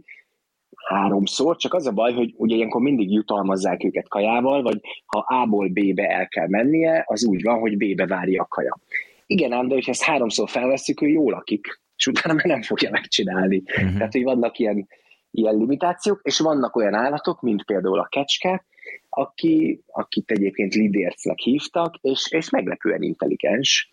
Tehát nagyon, nagyon sok mindent meg lehet nekik tanítani kutyáknak is. Szóval nagyon érdekes játék ez, és az a legjobb, hogy, hogy ezt a trénerek el tudják mondani, hogy melyik állat mit tud, és egészen vad dolgokat is meg lehet nekik tanítani. Uh-huh. Csak macskával ne akarjál forgatni. hát igen, de ügy, ügyesek a macska. Ne, holló, nekem most a holló van a lista alján. A holló az egy ostoba állat. Vagy, vagy nem is ilyen az image hogy... Velünk kiszúrt. Uh-huh. Vagy nem, nem a varjak azok, akik olyan intelligensnek vannak beállítva? Nem De tudom. egyébként azt mondták, hogy a varjú a jobb. Aha. Csak mi, mi hollót akartunk, mert ez nagyobb lesz neked. Jó, az mondjuk igaz. és, és hogyha már ezen a vonaton vagyunk, akkor nyilván egy, egy picit közelebb jövünk az emberekhez, hogy például a kisgyerekekkel, pici babákkal, uh-huh. mert ugye hát, uh-huh. amit már emlég, emlegettél is, hogy, hogy ott azért én ezt sose tudtam elképzelni, hogy most az hogy éritek el, hogy, hogy sírjon a baba. Milyen szülő adja oda a kisbabáját arra, hogy ott nem tudom én, felrázák és bőgjön? Vagy, vagy menetrend szerint amúgy óránként mindig felsír a gyerek, és akkor éppen azt kell elkapni. Hát egyébként kb. ez van, de tehát egy ez addig, amíg így bele nem kerülsz ebbe a dologba, addig ilyen nagyon ö, misztikusnak tűnik. Effektíve vannak erre ügynökségek, akik ezzel foglalkoznak, hogy gyerekek, kisgyerekek, nagyon kicsi gyerekek csecsemőket szereznek. A csecsemőket ugye úgy kasztingolják, hogy gyakorlatilag már terhes anyákat keresnek meg, hogy te két hónap múlva szülsz, mi nekünk izé, tíz hét múlva lenne egy ilyen jelenetünk, azt tudni kell, hogy elég sok pénzt kapnak érte. Tehát ez a milyen anya, van az az összeg, amire azt mondják, hogy persze, ugyanis a leges-leges-leges legnagyobb körültekintéssel bánnak ezekkel a gyerekekkel, vagy bánunk. Az, hogy hogy érjük el, hogy egy baba sírjon, az a legegyszerűbb, mert tehát ők ugye vagy alszanak, vagy esznek, vagy sírnak. Tehát, hogy tehát az a legritkább, hogy csak úgy el van. Tehát az, hogy egy baba sír a vásznon, az, az, az szívszorító, de az, azt nem olyan nehéz elérni, és ez nem is jelenti azt, hogy ennek a gyereknek ez, ez éppen nagyon rossz. Tehát, hogyha fogja az anyukája, leteszed, elkezd sírni, 15 másodperc után felveszi, és, és kutya baja. Uh-huh. Ami ennek a titka, hogy főleg nagyobb produkciókban, és mi nagyobb produkciónak tűntünk akkor még, tehát mindig ikrekkel van a forgatás, mindig. Egy mhm. száz százalékban ikrekkel van ha az egyik alszik, akkor a másikat használod, ha az egyik nem sír, akkor a másik sír, ta. Ezt, ezt mindenki így csinálja. Kivéve mi, persze. Ráadásul az van, hogy ez nagyon komolyan szabályozva, hogy három órát lehet ott egy ilyen gyerek, uh-huh. mert, mert, mert vigyázni kell rájuk. Na most három óra semmire nem elég. És ebben azt mondom, hogy ha jól emlékszem, már az utazás is benne van. És hogyha ebből ő két órát alszik, akkor de hát azért van ikerpár, Úgyhogy mi úgy terveztük, hogy erre a kettő darab ugye szerepünkre lesz egy-egy ikerpár délelőtt, és egy-egy ikerpár délután. Tehát összesen nyolc csecsemővel fogjuk ezt mi megoldani, mint a nagyok. De hát ember tervez, Isten végez. Túl drága volt, Covid volt, nem adták oda a gyerekeket, nagyon sokáig ezt nem tudtuk ezt a jelenetet leforgatni, mert nem mert nem kaptunk csecsemőt, viszont a kórházi helyszínen már kellett forgatnunk, úgyhogy megcsináltuk a jelenet nagyját ö, babákkal, tehát bábukkal. De hát az olyan is volt. És akkor ilyen tágakban nem látszik, közelekben meg tudtuk, hogy hát előbb-utóbb ide vissza kell jönnünk, és meg kell csinálnunk élő gyerekkel. És akkor túl drága, úgyhogy nem lesz ö, ikerpár duplázás délelőtre meg délutánra, hanem csak egy ikerpár van egyik szerepre délelőtt, meg egy másik szerepre, aztán már nem ikrek, hanem nincs ikerpár, akkor már csak sima gyerek. Az a lényeg, hogy a forgatás előtti este ott tartottunk, hogy összesen van három darab csecsemünk, egy fiú, egy lány, meg egy backup, hogyha valami baj van. Este kiesett a backup, és reggel telefonáltak, hogy a kisfiú megbetegedett, úgyhogy hmm. egyetlen egy darab csecsemünk van, de tudnak hozni még egy kislányt. Hát mondtam, hát akkor hozzatok. És ezt két, két kislányjal forgattuk le végül, az egyiket kékbe öltöztettük, a második, másikat pedig rózsaszínbe, és, és ilyenkor az ember mindent megpróbál, mert ugye itt azért elég komplex jelenetet előadnak a csecsemők, mert sírnak, aztán egymásra néznek, ettől megnyugodnak, elkezdenek mosolyogni, egymásra kacagnak, és akkor elkezdenek kőpapírollózni. Tehát ez nagyon sok uh-huh. Dolog volt, amit nekik meg kellett csinálni, és ezt, ezt úgy kell forgatni, hogy folyamatosan forognak a kamerák, hát ha egy pillanatra majd úgy emeli a fejét, vagy a szemét, mintha oda néznek. És akkor ebből a vágóasztalon kell összeállítani. Az az óriási előny egy csecsemős felvételnél, hogy hang nélkül az arca alapján nagyon nehéz megállapítani, hogy ő például sír vagy nevet. Uh-huh. És tehát itt, amikor kacarásznak, akkor az egyikük végig sírt, csak mi kicseréltük a hangját.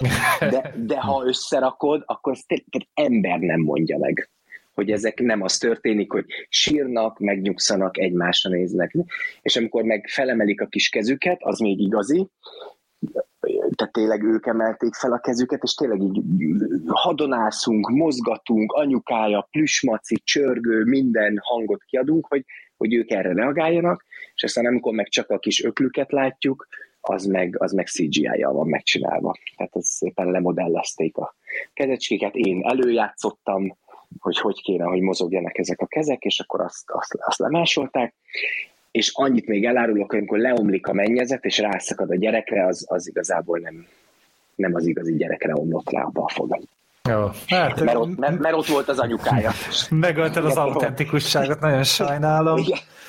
De legalább már is többet foglalkoztál vele, mint Clint Eastwood, ugye az amerikai mesterlövészben. Az, az egy nagyon hírhet sztoria ennek, és amúgy én olvastam is, a Telexen írtak ugye így a gyerek, meg csecsemőkről így a forgatásokon, tavaly, tavaly előtt, nem régen amúgy, és így emiatt voltam kíváncsi, hogy tényleg ez egy nagyon sok filmben vannak pici gyerekek, babák, nem tudom, és akkor ugye, hogy őket milyen körülmények között lehet foglalkoztatni, de hát akkor így nálatok is így a létező legéletszerűbb lefolyása volt az egésznek, hogy Igen. szívtatok vele, ahol lehetett.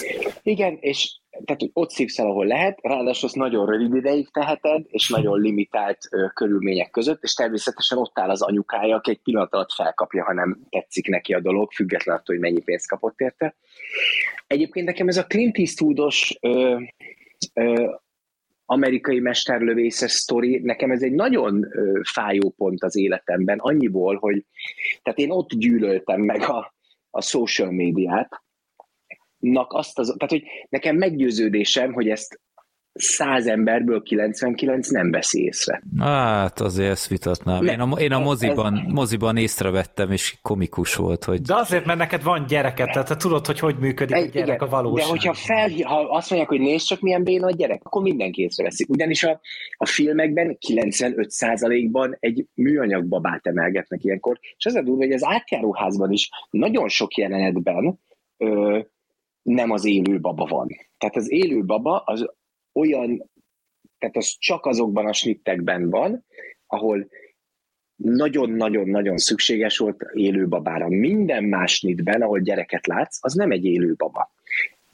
Tehát sokkal több helyen van bábú, mint élő baba, csak nekem az volt a mániám, és ez így is van, hogy ha kétszer mutatsz élő babát, akkor az összes többiről is elhiszed, hogy az. Mm-hmm. Ha ügyesen van csinálva. És az amerikai mesterlövészben tényleg elég szerencsétlenül veszi föl, de én biztos vagyok benne, hogyha nem screenshotolják, giffelik, karikázzák be és megy körbe, akkor, akkor így mondom, hogy sokkal, de sokkal, de sokkal kevesebb embert zavar, mint a, tehát ne, én azt éreztem, hogy most viccből, vagy rossz indulatból, főleg viccből ezt kicsinálják ennek a filmnek, ezt az egyébként pici szerencsétlen részét.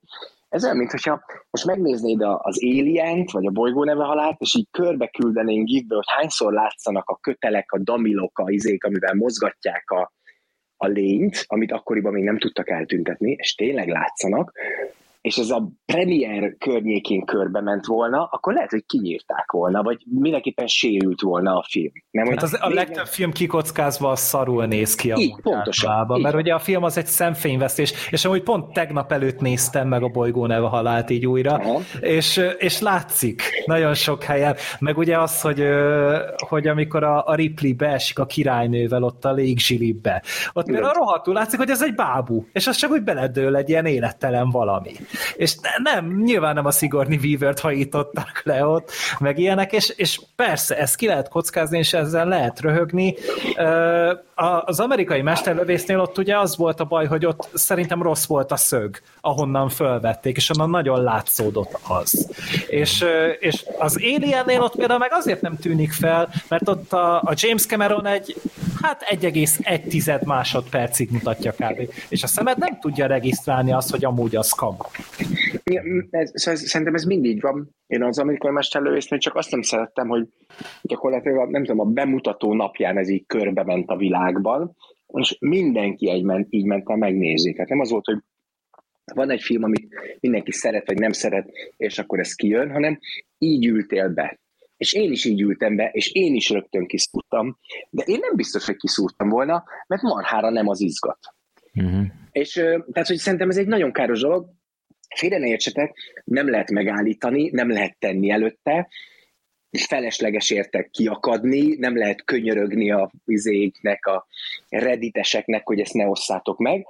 Ez egy ilyen, ez egy ilyen járulékos rossz, ami a filmeket övezi, hogyha ha hibázol, és ez nyilvánosságra kerül, és így végig söpör az univerzumon, akkor ez, akkor ez nevetségessé tud tenni egy filmet, és ez régen nem volt. De nem biztos, hogy ez egyébként hosszú távon árt a filmnek, mert most a, a Star Wars-ban is ugye izé, ott van az a jelenet, amikor a rohamosztagos beveri a fejét, mindenki várja Igen. már, meg ugye a, a visszajövőbe háromnál ugye egyszer kiszúrta valaki, hogy ott a a film legvégén, a, amikor a, a modern vonatnál búcsúzkodnak, és az a hátsó gyerek, a, azt hiszem, nem tudom, Einstein, nem, nem az Einstein, Igen. hogy hívják. Mindegy, a, a gyerek izé ott a kamerát instruálja, hogy a tökét vegye, vagy nem tudom, ilyen Igen. egészen szürreális. De mindig várod már azt a jelenetet. Igen, de, de ez, ez utólag van. Tehát, hogy van egy film, megfutja az életét, és aztán most 20 uh-huh. évvel később ezt elolvasod meg a, meg a Star Wars-nál is. Tehát a Star Wars-nál, tehát most az van, hogy egy óra alatt körbe megy a világban. Tehát, hogy ez, ezzel nem lehet mit csinálni, hogyha találsz egy ilyen jó mémet egy filmben, akkor a, a, tehát párhuzamosan a bemutatóval ez már elterjed, és ez, én ennek nem örülök, mint, mint, mint mm-hmm. filmkészítő, Hát mert, mert elvonja ugye a figyelmet a történetről, meg az, amit amúgy el akar igen. mesélni a, a, a készítő, a szerző, a bárki, és igen, hát vicces, nevettünk rajta, ez a Star Wars-os, ez szerintem 20 évvel a premier után, vagy 10 évvel a premier után szúrta ki valaki, most meg az internetnek hála, hogy mindenkinek a kezében ott van, tehát még igen. már a mozi teremben amúgy ezt ki tudod küldeni, mert ott van igen. a zsebedben a telefon, és nyilván van olyan paraszt, aki még vakúzni is fog a vászonra. Sajnos azt hiszem... És mondom, ezzel, ezzel nem lehet mit csinálni, csak, ja. csak ezen, tehát én ezt is sajnálom, így a, így a kés oda van szorítva még inkább az alkotóknak, hm. hogy mert most már mindent ki lehet kockázni, régen nem volt olyan könnyű kikockázni egy filmet, de hát mindegy, ehhez alkalmazkodni kell. Szóval én azt sajnáltam egy kicsit, mert én egyébként bírtam azt a filmet, az amerikai mesterlövészt, és, és, és azt éreztem, hogy ez a hülyeség, amit persze tehát tulajdonképpen maguknak köszönhetik, de tehát ezt kicsinálta a filmet, és aztán én erről olvastam, mert ez engem tényleg foglalkoztatott, és azt olvastam, hogy ott is volt valami, hogy volt gyerek, csak nem hozták oda, vagy Igen, megbetegedett, vagy ami, és forgatni meg kell.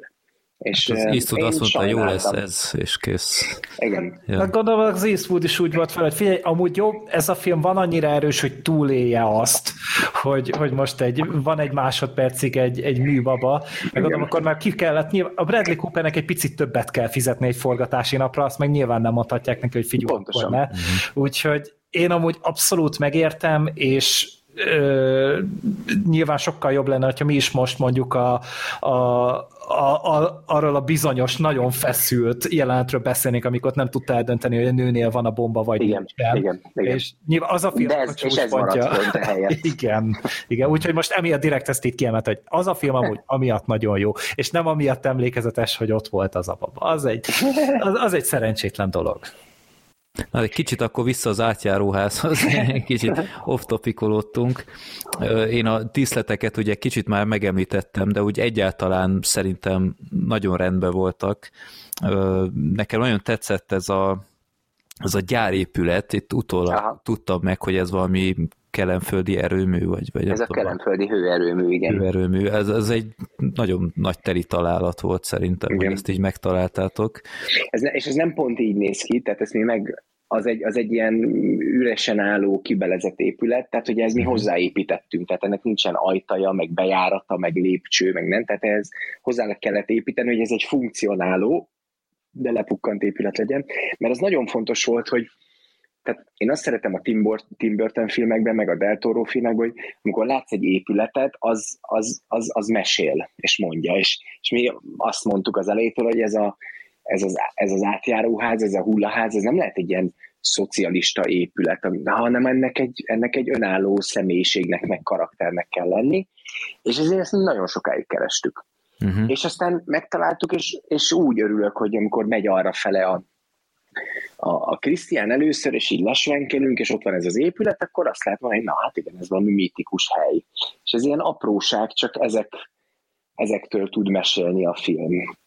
És, mm. és magunk között úgysem hallja senki, ez van, ahol meg tudtuk oldani, van, ahol pedig nem. És ez kizárólag pénzkérdés. Uh-huh. Ha már itt díszleteknél tartunk, itt a Gergőnél már előhoztam az előző podcastünkben, hogy a film egy pontján, és ezt most ne érts félre, de kíváncsi vagyok, uh-huh. hogy megérted az utalást. A film egy pontján eszembe jutott a, a hírhet The Room. Ezt láttad, láttad esetleg a Tommy Wiseau féle? Az, az eredetit azt sosem láttam, de a Highmark, láttam a, a, ugye a, a készítéséről készült filmet, az nagyon A katasztrófa volt. művész? A katasztrófa, Aha. igen, igen. Uh-huh.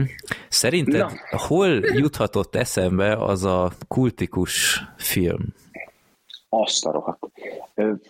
Nem tudom, de most már nagyon érdekel. most gondolkodom, hogy hol, hol vagyunk nagyon bénán. Ha láttad a katasztrófa művészt, akkor szerintem eszedbe juthat ez is. Uh-huh. Nem tudom amikor a, a tetőn vagytok, akkor, akkor nagyon hasonlít szerintem az, ahogy a Drumban kijön ugye a Tommy Wiseau, és oh, hi Mark! Így, az az ajtó, meg a, a terasz felépítése nálam így egyből, hú, hát ezt, ezt talán a, a Drum inspiráltad, akkor ezek szerint nem. A, ja, a, nem. a green screen nálatok jobb volt, ezt így el lehet mondani. Igen, de hogy, ja, hogy tehát maga a set design. Igen, igen. igen. Tehát, hogy a, a, hát nem, nem, de Hát azt ő, igen, nem. De hát így néz ki egy, tehát így néz, de értem, igen, értem, a high mark is egy, tehát hogy néznek ki tetőn levő mm-hmm. szerkezetek. Hát csak viszonylag ja, ritkán látni ilyet filmben, és éppen ezért így egyből volt egy ilyen ö, hasonlat, de akkor ezt ö, pusztán Nem, ez, a véletlen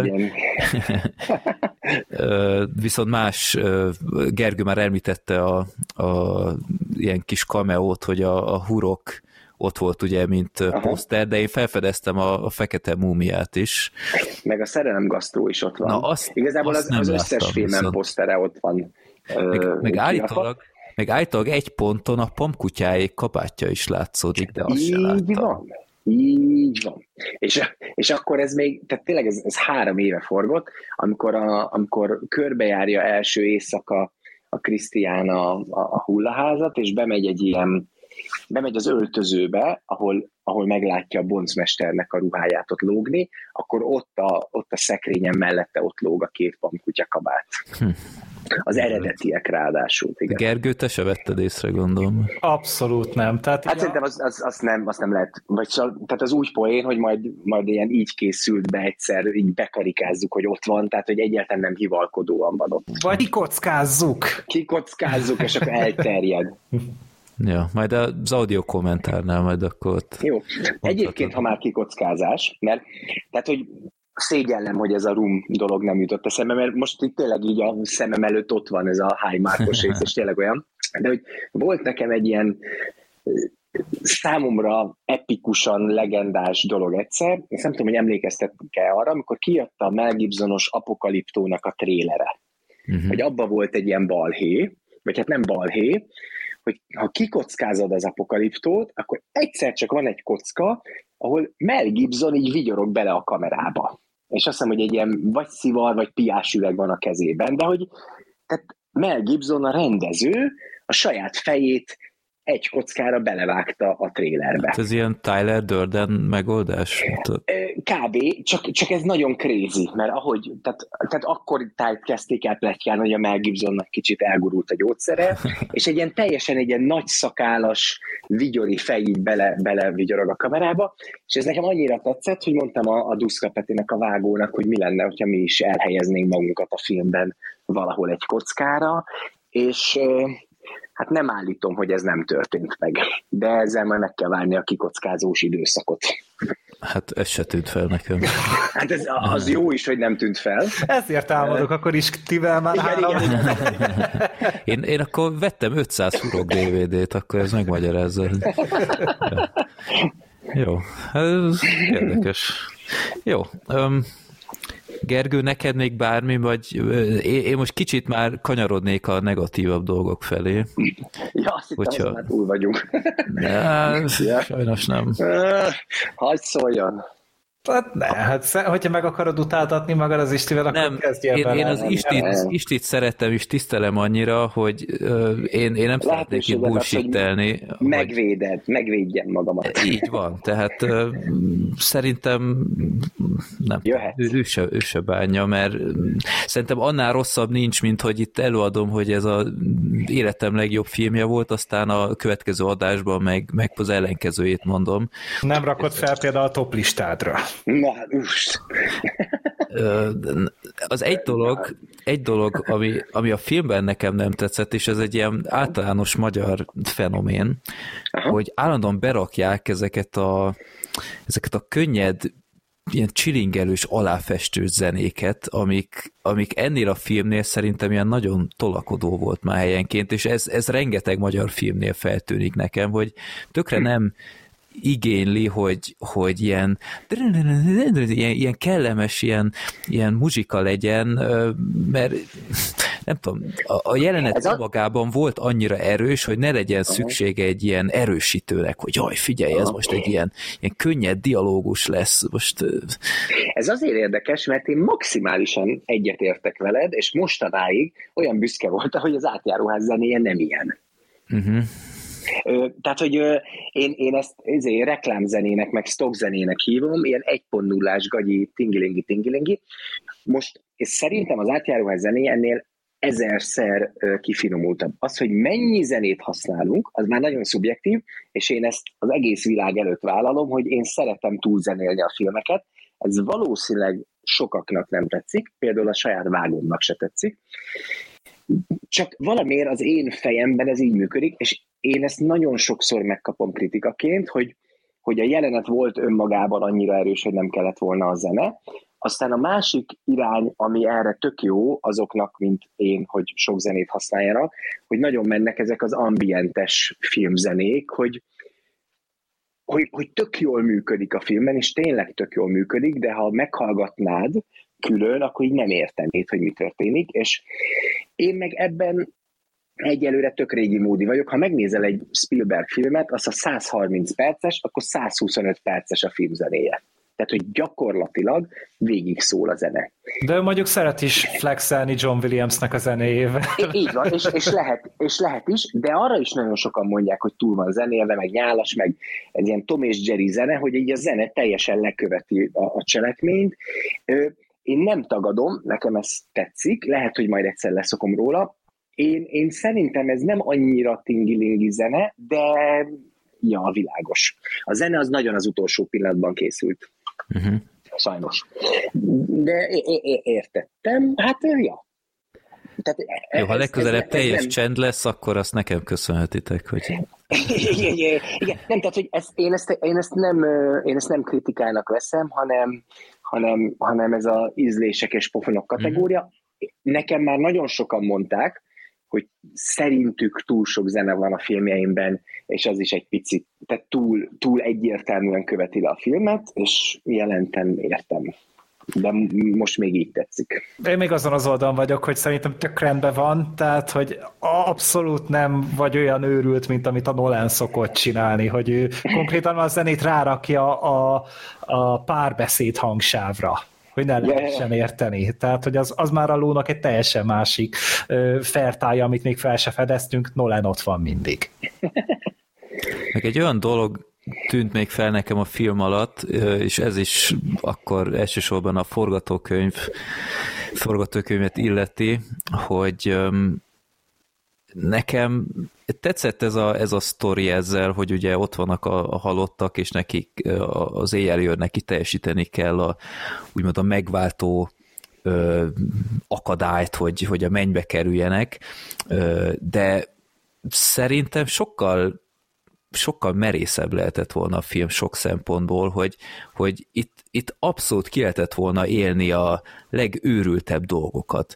És nagyon visszafogottnak éreztem ezt. Tehát ezt, hogy például nem tudom én, a, a pornó magazinokat el kell rakni, vagy, vagy egy, egy saklépést meg, hát itt sokkal vadabb dolgokat ki lehetett volna hozni, és ez a, a hullákra is igaz szerintem, hogy, hogy lehetett volna sok sokkal többet játszani velük, hogy például nem tudom én, a, aki autóba esetet szenvedett, akkor egy ilyen kerék nyomban a, a fején, vagy én nem tudom, egy, egy példa a sok közül, de, de nem tudom, valahogy valahogy szerintem többet ki lehetett volna ebből hozni, ugyanakkor az már lehet, hogy annyira nem, nem mainstreamet lefedő, hogyha ilyen túl vad minden, de... Figyelj, én, én, én teljesen egyetértek veled, azzal együtt, hogy, hogy mi nagyon sokat beszélgettünk arról, hogy mi, le, mi lesz, ki lesz ennek a filmnek a közönsége, vagy milyen lesz ennek a hangulata, és, és itt, tehát Magyarország egy nagyon pici piac, ezért sajnos, ha ennyi pénzt akarsz kapni, és ez még nem is volt annyira sok pénz, biztosítanod kell a finanszírozókat, hogy nem mész el egy nagyon... Ez, ez közönségfilmnek finanszírozták és, és teljesen ki voltak attól akadva, hogy mi ijesztgetős filmet fogunk csinálni. Olyannyira, hogy ezek a halottak, akikről beszélsz, ezek le voltak gyártva.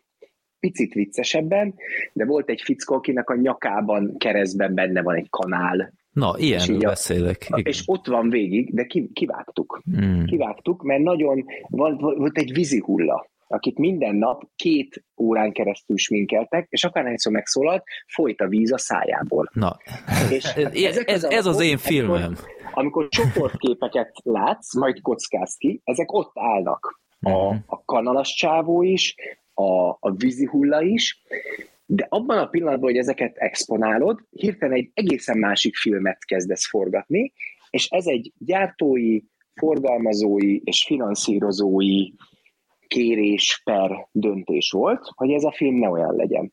És ez az én legnagyobb, és, a, és ha a Telex interjút pessimistának gondoltad, akkor ez az egész erről szól. Uh-huh. Hogy olyan kicsi országban vagyunk, hogyha egyáltalán pénzt akarsz, akkor az mindenkinek kell, hogy szóljon. Az a film, amit te mondasz, az nekem nagyon tetszik. A Veres Attilának még jobban tetszene, aki az eredetit írta, mert ő egy horror szerző, és de ma már a hurok sem készülhetne el, mert az egy, az egy ilyen furcsa, talán túl agyalós ö, ö, időutazós film. Ezért nálunk romkom lehet, és ezt romkomnak kellett hazudni az átjáróházat, ö, vagy történelmi film. Ez tragédia, ez, ez, ez, ez tragédia, ö, de, de miért adnának állami százmilliókat arra, hogy te csinálj egy zsánerfilm szubzsánerében egy filmet. Hát azért és van ellenpélda, például a Zanox volt idén, Az is Igen, azt hiszem ilyen nagyon-nagyon film, kevés pénzből készült. filmalapos. É, Az, az, de az, inkubá, az, az inkubátor az más. uh-huh, uh-huh. Az inkubátor az más. Ö, ott, ott, van, ott van most a szabadság. Jó, hát te nyilván jobban... Ha már megnyerted, Igen. akkor, akkor tulajdonképpen azt csinálsz, amit akarsz, Uh-huh. és a végén lesz 6000 néződ. Ezt a filmet ö, 150 ezer nézős filmnek szánták akkoriban, amikor adták rá a pénzt még a Covid előtt. Uh-huh. És ez... És, az még, szoktam- és az még mindig bőven veszteséges amúgy. Ah, per- Ja persze, az még bőven veszteséges, csak az már, az már egy közönségfilm. De tényleg a kincsem is veszteséges volt a 480 ezer nézővel. Tehát ma, ma csak akkor lehet nyereséges filmet csinálni, hogyha nagyon-nagyon-nagyon-nagyon olcsón csinálod, és véletlenül nagyon sokan megnézik. Mert ezeket az inkubátoros filmeket én imádom, de hát ezek tízezres nézettséget hoznak. Uh-huh. Na most az a vicces, hogy az átjáróház is nem, nem lesz egy nagyon nézett film, úgy tűnik sajnos, ezernyi ok miatt. Tehát tulajdonképpen azt is mondhatná a filmfinanszírozó, hogy úgyse nézik, akkor legalább legyenek nagyon jók. Hát ö, igen, tehát meg én nem gondolom azt, hogy hogy a horrortól ennyire rettegni kell, mert azért mennek Magyarországon a horrorfilmek, nem? Nagyon, nagyon mennek a horrorfilmek, de azok, azok, azok szintiszta horrorfilmek. Ez meg egy ilyen keveredés volt, és folyamatosan mindenki pusolta a romantikus vígjáték felé, és mi ott álltunk ellen, ahol csak lehet. Ettől lett egy ilyen nagyon fura hibrid, ami egyébként tökre nem egészséges, mert ránézésre ijesztő film, de közben nem ijesztő. Én egyáltalán nem vígjátéknak forgattam, de azért sokat lehet benne nevetni. Tehát egy, egy vegytiszta horror, arra szerintem kutya kötelességük lenne pénzt adni, mert, mert nagyon nézik Magyarországon a horrorokat, csak az a baj, hogy kvázi adtak a postmortemre, az nem sikerült annyira ö, nézőcsalogatóra, és akkor ezek ilyen hülyén működik. Magyarországon jó, akkor horrorfilm most nem lesz. És higgyétek el, hogy a következő pár évben biztos, hogy nem készül horrorfilm Magyarországon. De hát a postmortemnek nem voltak olyan rosszak a számai, vagy de? Tehát az is De. elaraszolt valameddig talán. Hát de ö, ahhoz képest drága volt, érted, a postmortem az másfélszer annyiba került, mint az átjáróház, Uh-huh. és nem nézték sokan, meg nem is annyira szerették. Hát az Viszont. jó, nem, Igen. nem, nem, nem akarok nyilván még, még egyszer annyira beleszállni, az sajnos és még nem az, sikerült és még az. Oscarra sem sikerült kivinni. Hát nagyon meglepődtem volna, hogyha Magyarország egy Oscar versenyben van egy horrorfilmet. Tehát horrorfilmek szerepel jól az Oscaron. Tehát nem, Senki, de tehát, hogy, és érted, tudjátok ezt, tehát zseniális, nem tudom, tehát Kóreában csinálnak nagyon jókat, meg Spanyolországban, és az se jut Oscar közelbe. uh-huh. Tehát, hát, de nálunk ez is nagyon át van politizálva sajnos. pedig, pedig ez egy abszolút, tehát hogy a horror pont azért pörög annyira ö, tengeren túlon, és mert az nem egy annyira drága műfaj amúgy. Nem. Talán. Tehát, hogy, hogy most í- néhány elsminkelt arc, pici vér, pici, mit tudom, Igen, csak egyébként kés. az a baj, hogy azt kell, azt kell tudni, és ezt, ezt nagyon-nagyon kevesen értik, ezért felesleges beszélni róla, mert, mert uh, siránkozásnak tűnik. De például egy nagyon jó horror volt, ez a Vaksötét, Igen, uh-huh. aminél egyszerűbb film a világon nincs, ráadásul itt forgatták Magyarországon. igen. Kell hozzá egy ház, öt fiatal, meg minden. De gyerekek, az a film az drágább volt, mint a kincsem. Tehát, hogy ezt, ezt nem hiszi el senki, hogy az a költségvetés, amiből mi itt szórakozunk, az vicc. Na jó, de a vaksötétet is meg lehetett volna sokkal Nem, olcsóbban nem, csinálni. nem, nem, lehetett, ezt nem lehetett volna. Hát figyelj, Az a film azért működik, mert azt felépítik azt a házat, az egy épített díszlet. Ha nem épített díszlet, akkor nem lesz jó. uh-huh. De hát Azért- ott a gázsik is elvisznek egy csomó pénzt, nem? Tehát mit egy Steven Langet, vagy egy Fede Alvarez kifizetni, tehát hogy... hát de hogy akkor a, szerintem a Fede Alvarez akkor még nem volt olyan nagy szám. hát az már azután készült, ugye, hogy az Evil Dead remake ő elég rendesen berúgta az ajtót. Igen, de szóval, hogy ezek ö, az, hogy hány napig forgatják. Tehát, hogy ezeket nem 30 napig forgatják, mint egy magyar filmet, hanem 80 napig. Azért, Mhm. mert ők tudják, hogy az, hogy az úgy nézzen ki, tehát mi, mi darálunk. És ha nem hozzák meg a kisgyereket, akkor, akkor valamit kell csinálni. és még egy ilyen olcsó filmnél, mint a Vaksötét, a Fede Alvarez mondhatja, hogy hát akkor hozzák meg, különben nem fog működni. És ez egy ilyen, tehát ez egy, én mindig azt szoktam mondani, hogy a magyar film az úgy készül, hogy felvisznek minket 20 méter magasra, és ilyen halálszaltót kell ugrani, de nincs alattunk háló, és nem gyakorolhattunk. és, ez igen. És, és mindig elképeszt, hogy én, én óriási Mission Impossible széria rajongó vagyok, és, és nézem a making of fokat állandóan, és akkor a, tudom, a Ghost protokollban az audio kommentáron mesél a Christopher megkéri meg a Tom Cruise, hogy ott van az a nyert, megáll a két mentőautó, átteszik az egyiket a másikba, bla, bla, és mondják, hogy hát ezt felvettük tágába, és nem volt olyan jó, úgyhogy összevágtuk, még utószintben is volt, nem sikerült, úgyhogy visszamentünk Prágába, visszahívtuk a színészeket, visszahoztuk a mentőautókat, lezártuk az utat, és felvettük, kicsit átírtuk, és felvettük még egyszer.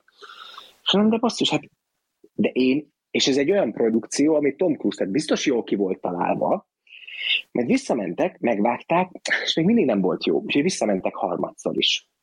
És addig csinálják, amíg jó nem lesz. De hát ez kell egy olyan megszállott tőrült, mint a Tom Cruise. Nem, vagy ez a... pénz kell. Uh-huh. Ez pénz kell. Jó, igen. Az is, nem, Tom Cruise is kell, hogy azt mondja, hogy de gyerekek, hát ez nem elég jó. És, és itt kanyarodunk rá az átjáróházra, hogy kinek mi nem tetszik.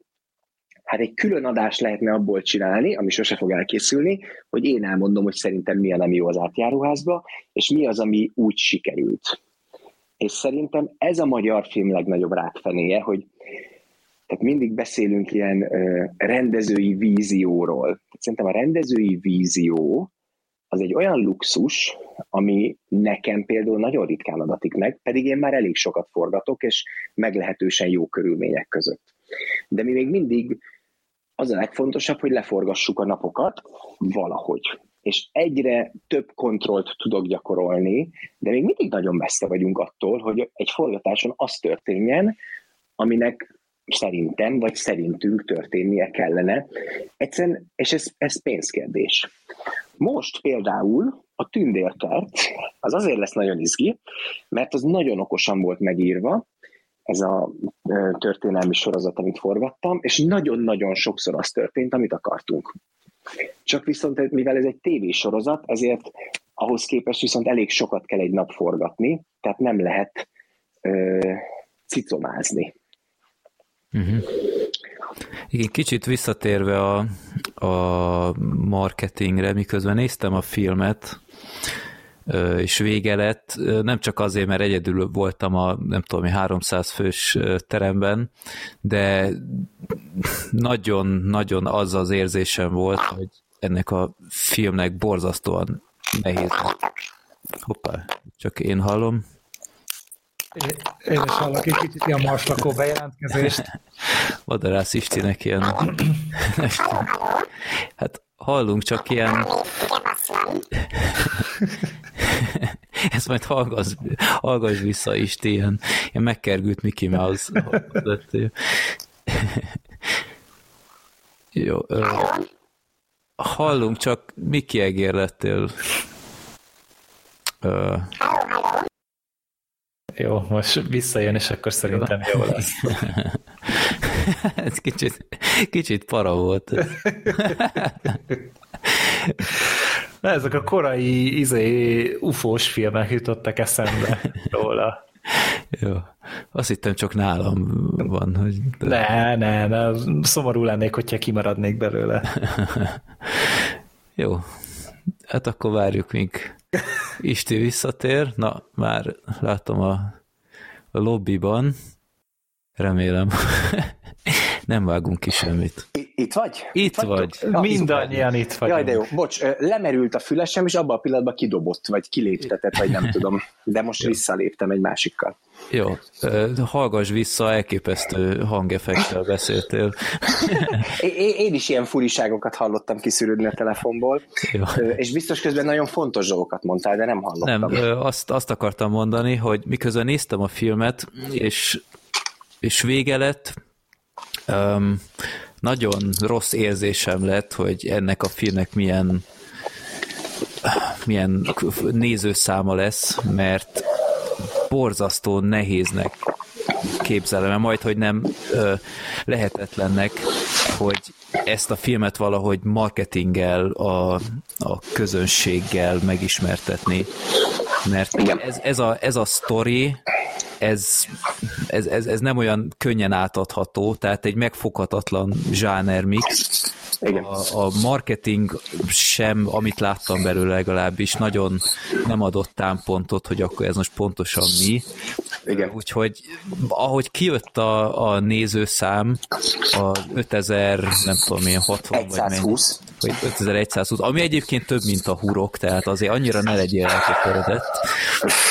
Hagyjuk ezt. Jó, igen, hogy, hogy logikus volt számomra, nem, nem csak azok a faktorok miatt, amiket már mondtunk, hogy foci VB, meg Avatar 2 előtt egy héttel, ami teljes nonsens, hogy öm, nagyon nehéz. Tehát én egy barátomnak tovább küldtem ezt a filmet, ő, ő kérdezte, hogy én láttam-e már, és a, az ő, talán fel is tudom olvasni, hogy, hogy mit, mit írt, mert téged ismer a, a podcastből, tehát mondtam, hogy ez egy ilyen film, de na, elküldtem neki, szerelmes egy halottba, kicsit creepy téma. És utána hiába mondtam, hogy á, annyira nem, tehát nem, nem olyan, ami ennek tűnik, de például én, én nagyon sok embert nem tudnék elképzelni, hogy ezt mondom neki, hogy ez milyen film, akkor beüljön rá. E, ez, ez, ez teljesen így van. Ezt én ezt uh, szomorúan tudomásul veszem, tehát nekem volt olyan ismerősöm, aki mondta, hogy de hát ő ezt nem meri megnézni. És mondom, jaj, de ez nem olyan, de hát nem, meg halottak, meg zombik, de nem úgy zombik. Szóval én ezt látom, értem, és és tényleg csak azt tudom mondani, ha ez nem a tehát Magyarországon ez 5000 nézőt el, nézőt ér el egy hétvége alatt, világpiaci szinten meg mindössze elérne, nem tudom, 250 ezeret vagy valamit. És tehát én ezt látom, értem, és azért ezt érezted a Telex interjúba, tehát vagy elkezdek én is nagyon széles sávon romkomot csinálni, vagy történelmi filmet kell csinálni, most ez sem, vagy valami egészen más csatornán próbálok, akkor viszont tisztábban olyan filmet csinálni, amilyet csak akarok. Ezt a filmet érzed annyira sajátodnak, mint a hurkot annó, mondjuk? Abszolút. Abszolút. Tehát úgy is, hogy azt az teljesen a te bébid volt az írástól kezdve. Igen, igen, igen. A, de én, én, ezt a, én ezt a többi filmre is tehát én csak olyan filmbe fogok bele, amit, amit, amit, amit hirtelen azt érzem, hogy ez olyan, mintha belőlem jönne, csak mondjuk akár jobb, mert én, én, én ilyet nem írnék, és aztán az előkészületek, meg az átírás, meg minden alatt annyira belefolyok, hogy, hogy, hogy figyelmeztetnem kell magam, hogy mondjam, hogy ezt nem én írtam. Tehát ez, ez például abszolút egy ilyen film. Uh-huh. Ennek minden ö, hibájával együtt, mert ö, mert ha, ha jobban tartanék távolságot az anyagtól, akkor, akkor, akkor tisztább fejjel tudnám talán megi, megítélni erősségeit, meg hátrányait, de de a végén fontos, hogy teljesen a sajátomnak érezzem, és azért van a film elején kiírva, hogy Madarász Isti filmje, és csak később vannak az, hogy ki az operatőr, meg ki a vágó, meg ki a forgatókönyvíró, mert hogy, tehát, hogy ez, ez, ez belőlem jön, én, én, én megeszem a forgatókönyvet, megemésztem, és aztán ki, kinyomom magamból. Uh, szóval, szóval igen. És, és egyébként én így is olvasok forgatókönyvet, mert én azon ritka, hát vagy nem tudom, hogy ritka, de hogy tehát én, én olyan rendező vagyok, aki van sok ötletem, még írogatok is, bár én a hurok után elhatároztam, hogy nem nagyon fogok egyedül írni, mert én nem voltam elégedett a huroknak a forgatókönyvével.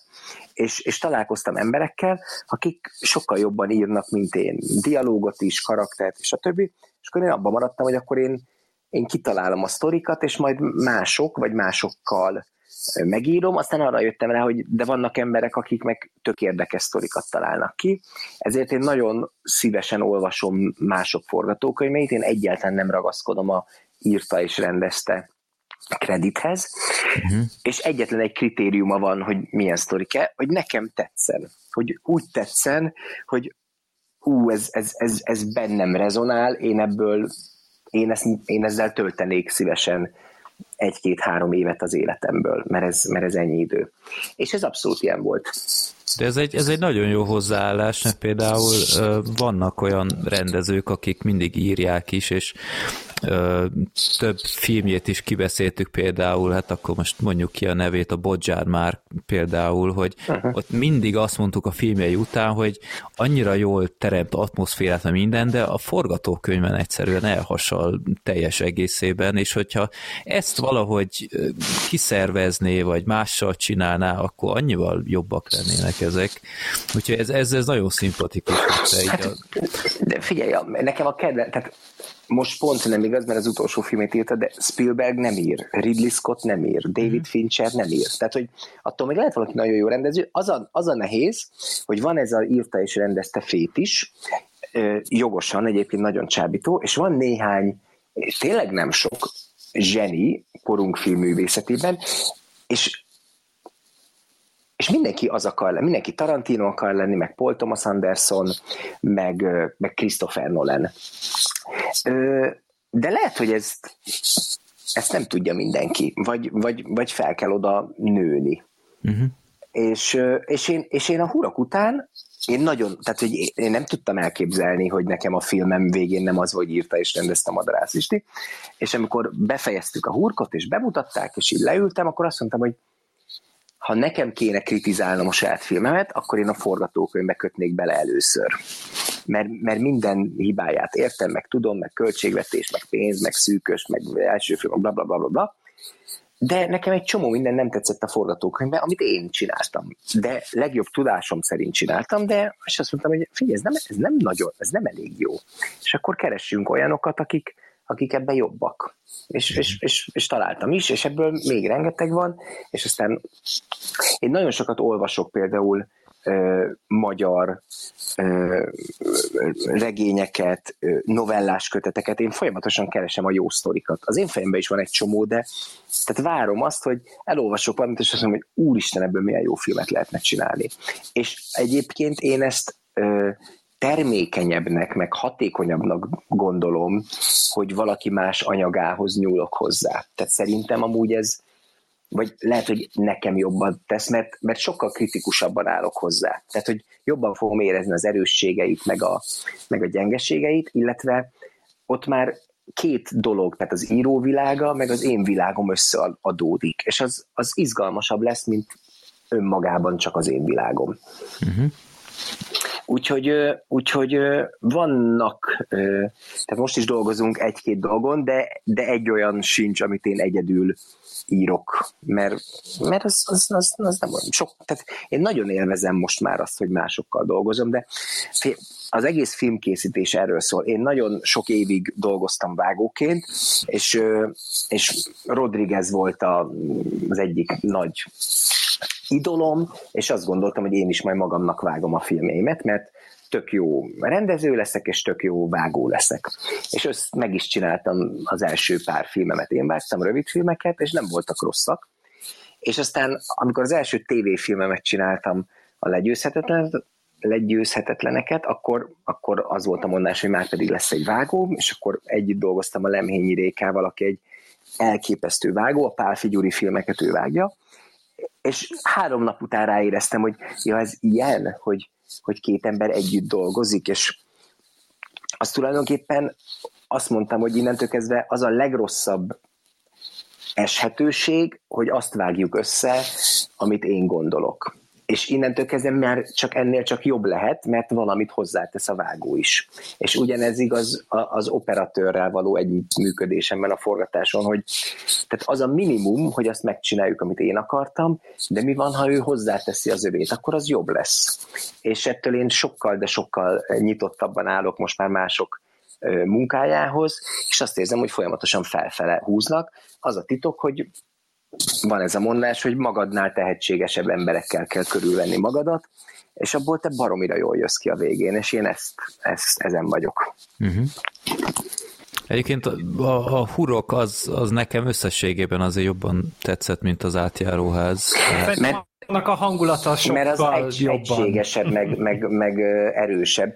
E, figyelj, az átjáróház az nagyon az nagyon sok dolog egyszerre, uh-huh. és ezek nem biztos, hogy jót tettek egymásnak. Én ezt kétség. Hát meg nem, nem is feltétlenül az én zsánerem, tehát ez a fantasy rész, főleg ott azzal a boszorkányal, ott az, ez nem az én világom, ezt itt tudomásul veszem, de nem tudom, ha az én fejemben az, hogy Madarász Isti mindig a hurok rendező. Tehát, hogy ez azzal is függ össze, hogy ugye az audio kommentár az, az is egy ilyen ajtónyitó volt nekünk, úgyhogy emiatt is egy, egy nagyon jó élményként tartom fenn, de igen, szóval nem, egyébként az átjáróház nem, nem egy rossz film, nem erről van szó. Ö, egyszerűen tényleg Kedves azt, azt vettem, nem, azt vettem észre, hogy, hogy ebben a filmben sokkal több potenciál lett volna. Látszik az igyekezet, ami, amin valahogy egy, egy nem tudom, egy, egy nyakör van, ami kicsit visszahúzza, de igazából a Telex interjú után, meg, meg amiket itt mondtál, igazából összeáll a kép, hogy akkor pontosan mi történt. Úgyhogy ez, ez sok mindent meg is magyaráz, de én ennek ellenére én, én tökre örülök, hogy összejött, egy, főleg egy ilyen hosszú Covid, meg nem tudom hány gyártási ö, probléma után, hogy ö, végre azért mozikba került, még a lehető legrosszabb időpontban is, úgyhogy várjuk akkor tényleg a, a következőt tőled. Hát én is. Én is, és lesz, lesz, lesznek még jók. Az a terv, hogy lesznek még jó kis filmek. Uh-huh. uh, Gergő, neked van még kérdésed? Nekem egy olyan kérdésem van még, hogyha neked nincs. Még egy kérdésem Akkor van.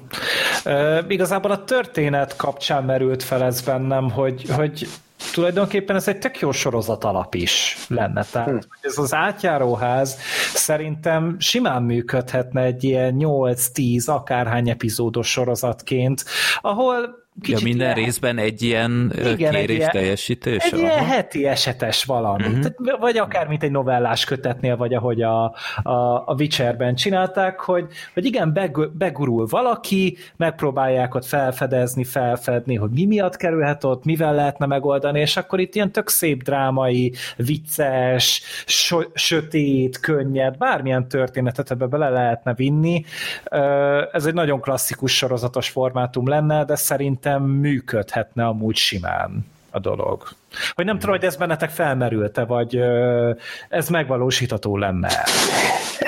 Bennem nem merült fel, vagy, vagy eddig nem merült fel, minden, minden megvalósítható lenne, aztán nem tudom, hogy meg is valósulna. Az biztos, hogy ebben nagyon sok minden volt, és az egyik dolog, amit, amit én nem, aminek én nem örülök az RTL kapcsán, az, hogy tehát mi sokkal többet foglalkoztunk a forgatókönyvben a halottakkal, ennek a nagy részét le is forgattuk, tehát sokkal több ilyen típusú sztori volt, mint a Mészáros Mátéjé hogy elmegy, és össze kell tör, törni a szobrot, és ott van a, ott van a dobókata. Tehát ebből még... Bocs, mi... ennél a jelenetnél tökre nem értettem, hogy miért nem dönti le a szobrot amúgy. miért, miért azzal a pálcikával? Hát ez egy baseball ütő volt azért. azért. mert, mert nehéz. Oké. Okay. Bocsánat, hogy szabadul Ne, sem baj. És és, és aztán ezeket a sztorikat ö, kivágtuk, mert nagyon, egyrészt nagyon hosszú volt, másrészt nagyon fókuszálatlan volt a film. És, és azt éreztük, hogy sajnos, bár jó jelenetekről van szó, ö, koncentrálni kell a, a párocskánkra. És, és amikor ezeket kiszedtük, akkor jobb lett a film. Ö, nem biztos, hogy még mindig, hogy nagyon jó, de jobb lett a film. És ezt csak arra mondom, hogy van potenciál ezekben a hulla, ezekben a halottas dolgokban, meg valóban lehetne ebből ilyen epizódikus dolgot csinálni akár. Ja, majd egyszer valaki. Hát hát, ha most ez az ötlet így elindul az interneten, és Igen. valakihez eljut, akinek van erre pénze, meg elég őrülete, hogy végig de, a projektet. De fontos, hogy amikor ebből egy nagy sikerű sorozat mondjuk a harmadik évad, évad zárójá bulián leszünk, akkor, akkor fel kell emlegetni ezt a podcastet, hogy ez itt, itt indult. Hát meg egy kameót azért követelnék minimum. Ja, az, egy, az egy, a legkevesebb. Egy, egy, egy olyan hulla lennék, aki mondjuk autóból esetben vesztette életét, mert telefonozott, és az arcomból ló ki a telefonon. Vagy ilyen Marvel túladagolásod Ja, megfulladok a, a popcorntól, mert ja. amúgy így, így már túl régóta ott vagyok a moziban, és már nem bírtam magamat, de ja, azt, azt is adom, nekem mindegy. A, a film, nem tudom én, hogy, hogy lehet, hogy csak én emlékszem rosszul, de én határozottan emlékszem, hogy mintha te is mondtad volna egy ponton, és a, a médiában is azt láttam, hogy a film az 90 perces, és akkor a moziban vettem észre, hogy ez jóval hosszabb volt, hogy itt valamiféle változtatás még volt? Ö, nem, ez, ez, ez 102 perces. Aha. Mind, mindig is annyi volt. Hm. De az nem közelebb van a 90-hez, mint a két órához. De, de, de a moziba is 102 perc, lehet, hogy sokkal hosszabbnak tűn neked. Nem, nem, ha, nem, azért nem, mert én, én a film előtt, akkor lehet, hogy a, a Corvin honlapján volt rosszul, vagy én nem tudom, uh-huh.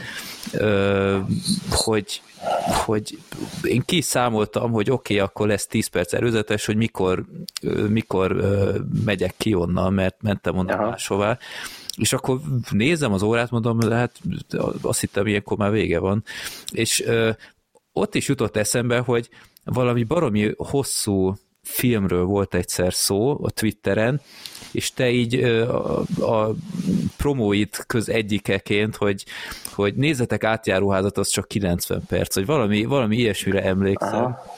És de mindegy, lehet, hogy csak én... Egyébként, mert, tehát, hogy 99 perces maga a film, csak aztán még van a, a, a, a, a főcím, Stáb, de aha. igen, szóval ez, Jó. ez nem, nem tudom. Jó, akkor lehet, hogy csak én ö, ö, kevertem össze valamit, illetve az tűnt fel, hogy ismét a, a gyerekeidet becsempészted a, igen, a igen. filmbe, hogy akkor ez egy ilyen rendezői ö, kézjegy. kézjegy igen, hogy... Hát ö, egyébként nem is, nem is az, hogy ők benne legyenek, a, amúgy a tündérkedben is benne van, bár most csak az egyik, hanem én, én szeretem, tehát a, ez a filmezés, ez egyébként hát nem tesz jót a, a, a, a családi kötelékeknek.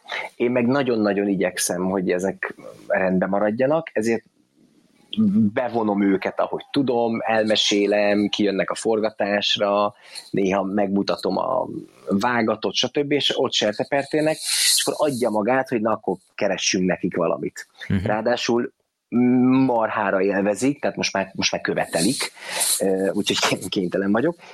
Én, én, én nagyon szeretek filmezni, és nagyon szeretem a jó dolgokat összekötni, tehát egyébként nem csak a gyerekeim vannak benne, meg egyébként a feleségem is, hanem na, mindig minden filmemben a lehető legtöbb stábtag benne van. Vagy stábtagoknak gyerekei, vagy hozzátartozói.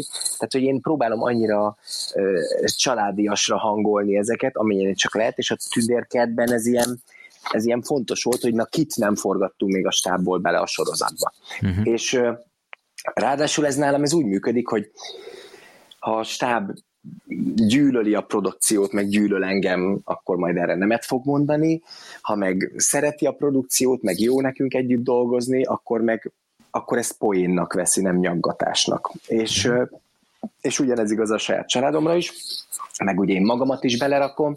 Szóval inkább ez nekem ez a lazulós, barátkozós lényem, hogy ezt olyan jó csinálni, akkor legyünk mi is benne. Tehát ez kb. ennyi. És, és egyébként tehát a gyerekeim meg amúgy élvezik, mert lehet ezzel flexelni, hogy, uh-huh. hogy és amikor a, most volt a díszbemutató, és akkor előre hívtam a színészeket, akkor, a, akkor a, egyszer csak azt vettem észre, hogy a kisfiam is ott áll a nagy színészek között, mert ő természetesnek lette, hogy ő jött le meghajó. Hát játszott benne, úgyhogy persze játszott. Hát persze, mond, mondata van, kérlek, ez szöveges szerep. Igen. Uh, meg egy dolgot írtam még fel, és ez a legfontosabb kérdés Na. az összes közül. Amit tuti egy médium nem kérdezett még meg. Tőled. Na végre hogy lehet rendezőként ö, úgy utasítást adni valakinek, hogy figyelj, te leszel az, aki beszerzi a pornó újságokat ehhez a jelenethez.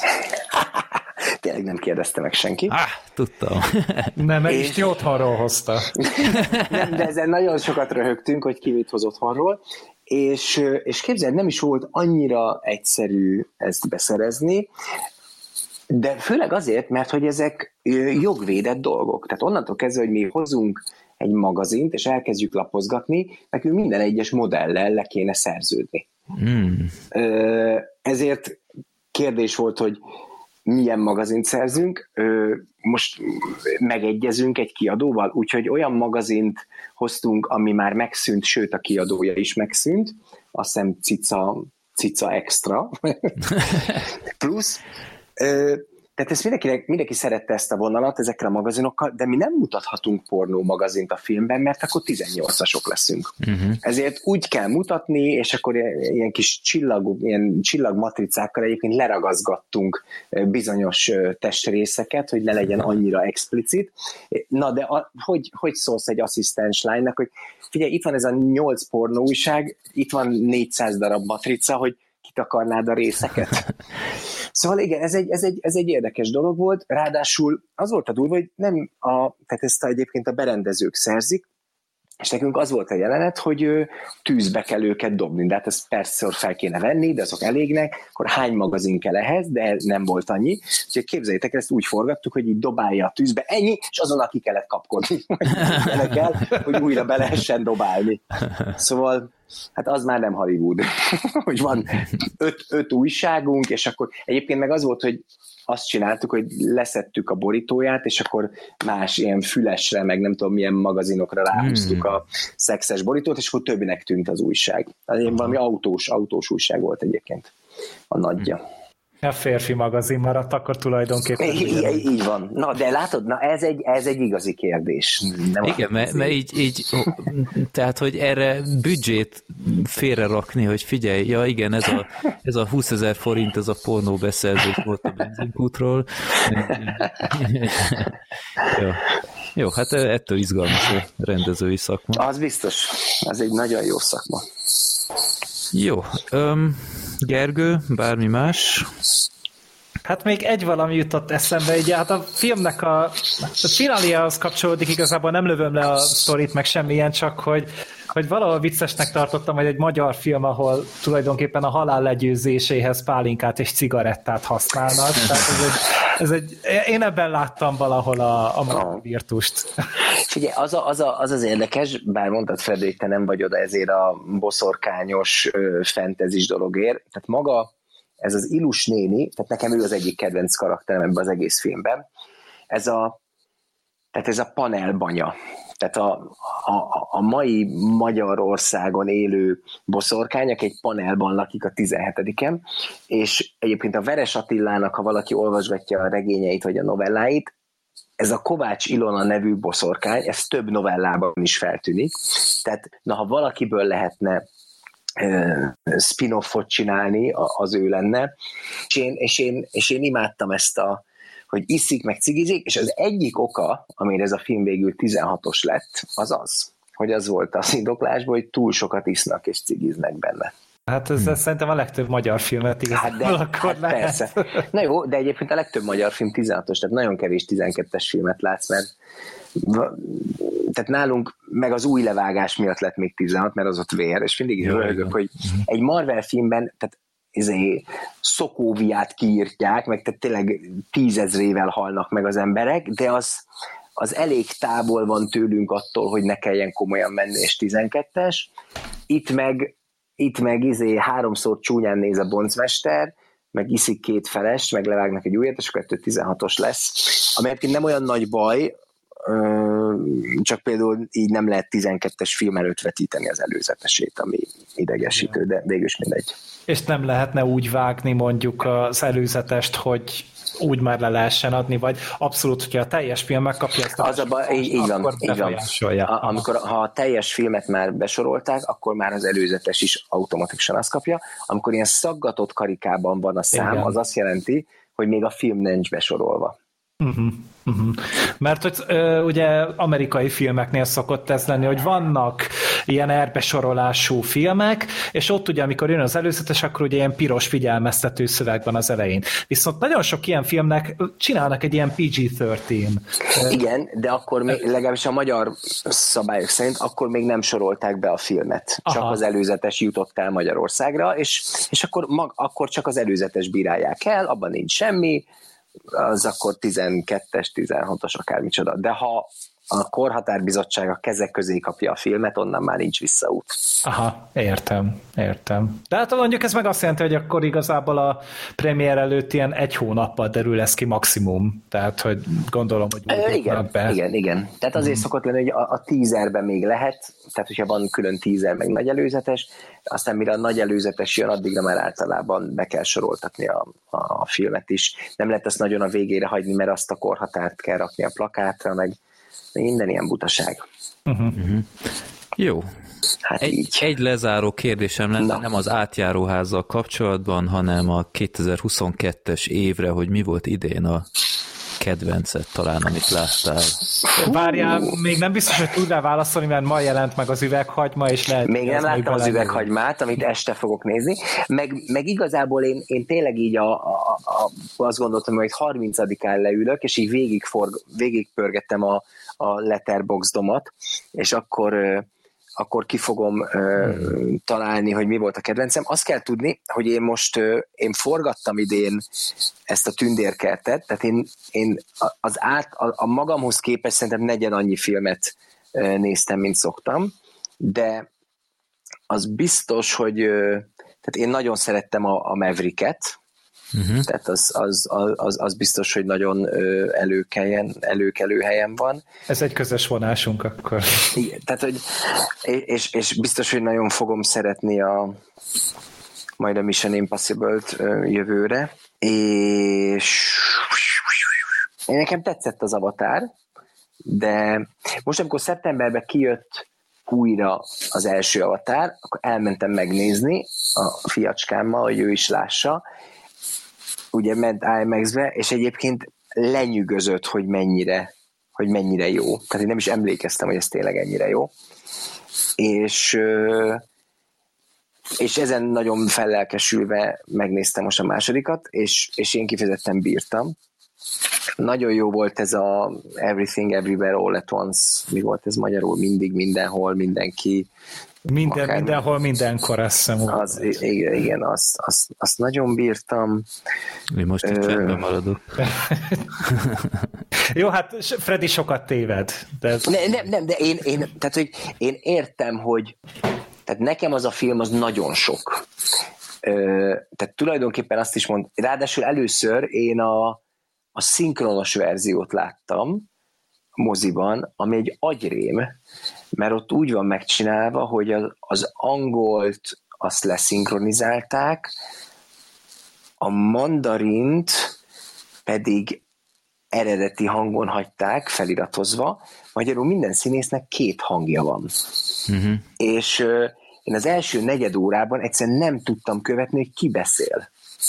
Mert ha nem ő volt a képen, csak a hangját hallottad, akkor, akkor azt nem lehetett. Tehát, hogy az, az valami, az egy olyan nagy tévedés, hogy ilyet csinálni, hogy, hogy a magyar hangja meg a, a színész angol hangja ö, váltakozik. Tehát ez, ez, ez, ez, ez borzadás.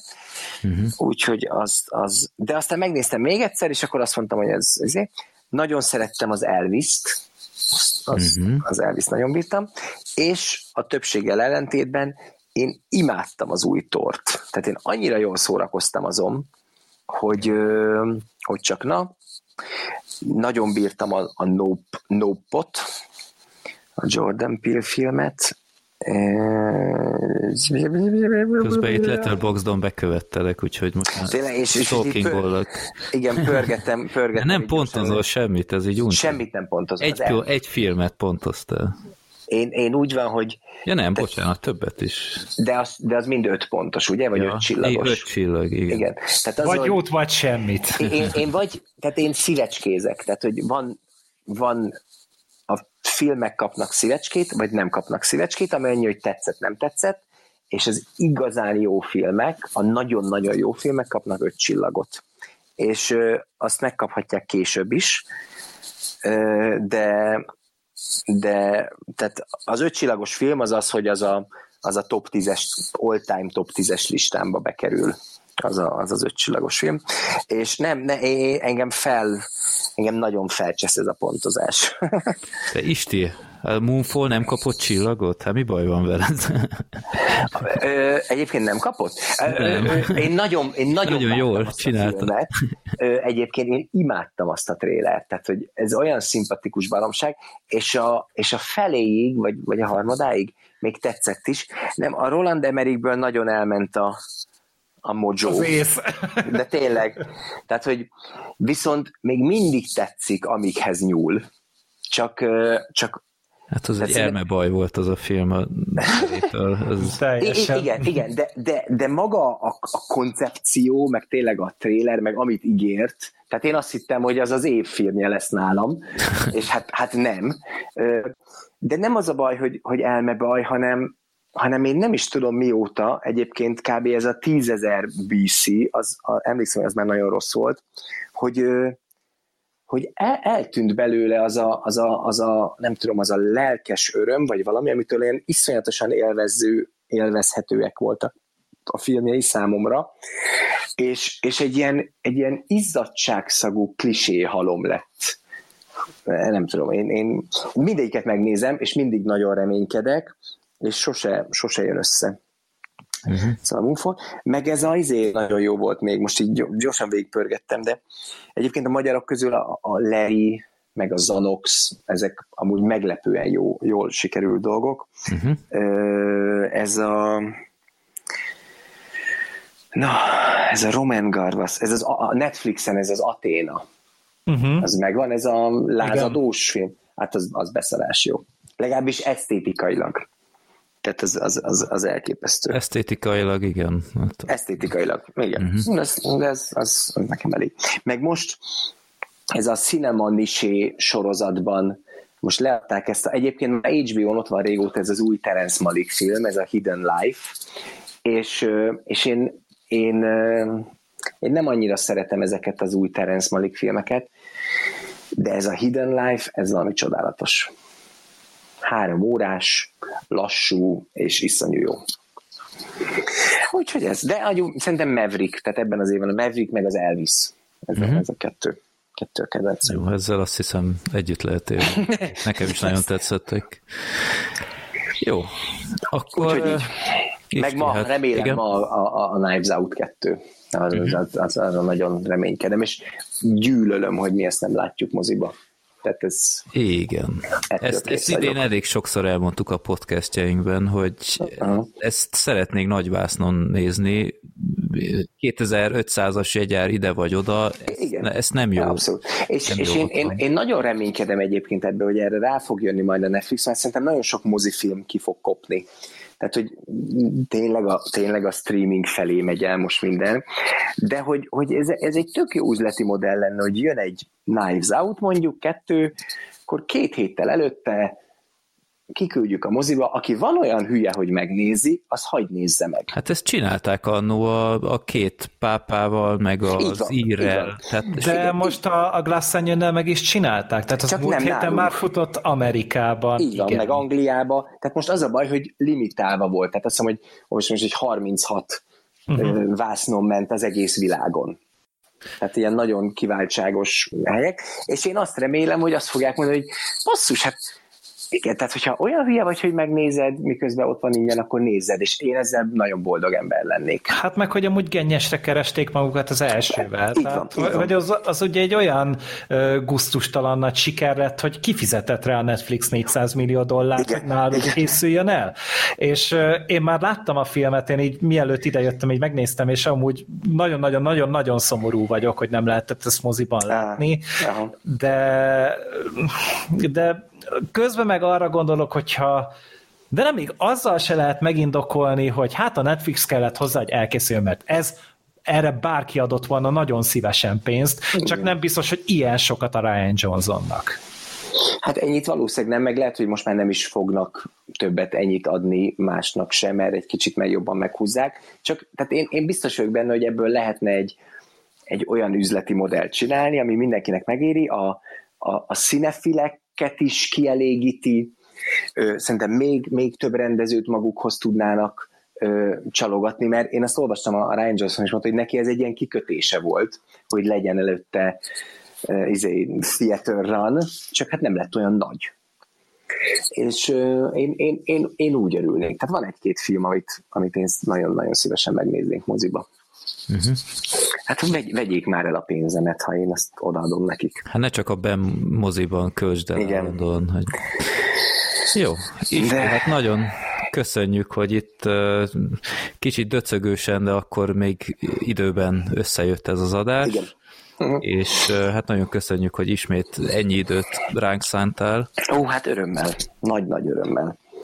És hát tudom, hogy a következő az nem moziban megy, hanem a tévére, de ennek ellenére is nagyon sok sikert kívánunk bármilyen jövőbeli projekthez, és ha átjáróháznál nem készülne audio kommentár, akkor jelentkezni fogunk.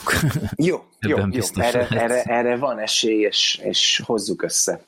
Jó, és mindenképp, mindenképp hm. összehozzuk. Úgyhogy Isti, még egyszer nagyon szépen köszönjük, hogy itt voltál, hallgatóknak is köszönjük a figyelmet, és nem marad más hátra, mivel ez tényleg 24-én kerül ki, hogy boldog karácsonyt kívánjunk mindenkinek. Nagyon boldog karácsonyt mindenkinek. Boldog karácsonyt. És, és remélem egyébként, hogy nem ezzel töltöttétek a szentestét, hogy ezt a két órás podcastet hallgattátok. Biztos hanem... lesz olyan. Biztos lesz olyan, akkor viszont gratulálunk. Az emésztését tölti ezzel, az még teljesen rendben van. És elvileg, ha, ha még ezt nem januárban, februárban hallgatja valaki, még megy a moziba az átjáróház, még, még pumpáljuk följebb azt a kis számot, mert az jót tesz a lelkemnek, úgyhogy aki még nem látta az átjáróházat, az nézze már meg a kedvemért. Szegeden még játszottam. Freddy, Freddy ajánlásával. A hallgatóink közül nagyon sokan mondták, tehát ők, ők ilyen isti fanok, Jaj, vakon beülnek mindenre. Itt, ah, itt nagyon sokan Twitteren jelezték, hogy, hogy megnézték, vittek rá a családot, meg minden. Jaj, de jó. Úgyhogy ránk hát akkor, viszont a, akkor a számok alapján kb. csak a, ennek a podcastnek a hallgatói nézték ezt a filmet. De ez nekem jó. Itt, itt, itt van az én közönségem. Így van. Úgy Úgyhogy legközelebb ki akarod önteni a lelked, akkor ne a telexhez menjél, hanem hozzánk. És Ez akkor lesz. nem kell ugyanazokat a kérdéseket feltennem, hanem ah. kezdheted itt rögtön. Na, figyelj, erre figyelni fogok. Na, köszönjük szépen, boldog Jó, karácsonyt, és találkozunk köszönöm. az évösszegzőnél legközelebb, ahol lesz még Avatar 2, meg ö, Törbejtve 2, úgyhogy 7 órás adás lesz, könnyen lehet. Király.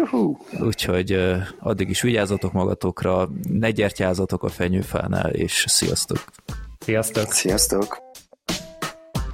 Köszönjük, hogy meghallgattad adásunkat. Te is részese lehetsz podcastünknek. Küldj a népakarat maximum három filmet, hát a pont a te beadványodat sorsoljuk ki egyszer. Minden ehhez kapcsolatos információt megtalálsz a filmbarátok.blog.hu oldal almenőjében. Te küldhetsz nekünk villámkérdéseket, észrevételeket, borítóképeket a filmbarátok podcast kukac gmail.com e-mail címre. Örülünk minden levélnek. Podcastünket megtaláljátok Youtube-on, Soundcloud-on, Spotify-on, Deezeren, Twitteren, Facebookon, szóval mondhatni már csak a Wikipédián nem. Ha támogatnád a most már bőven több mint egy évtizedes projektünket, megteheted a patreon.com per filmbarátok oldalon. Nagyon köszönjük, és leginkább a megtisztelő figyelmedet, reméljük velünk tartasz legközelebb is.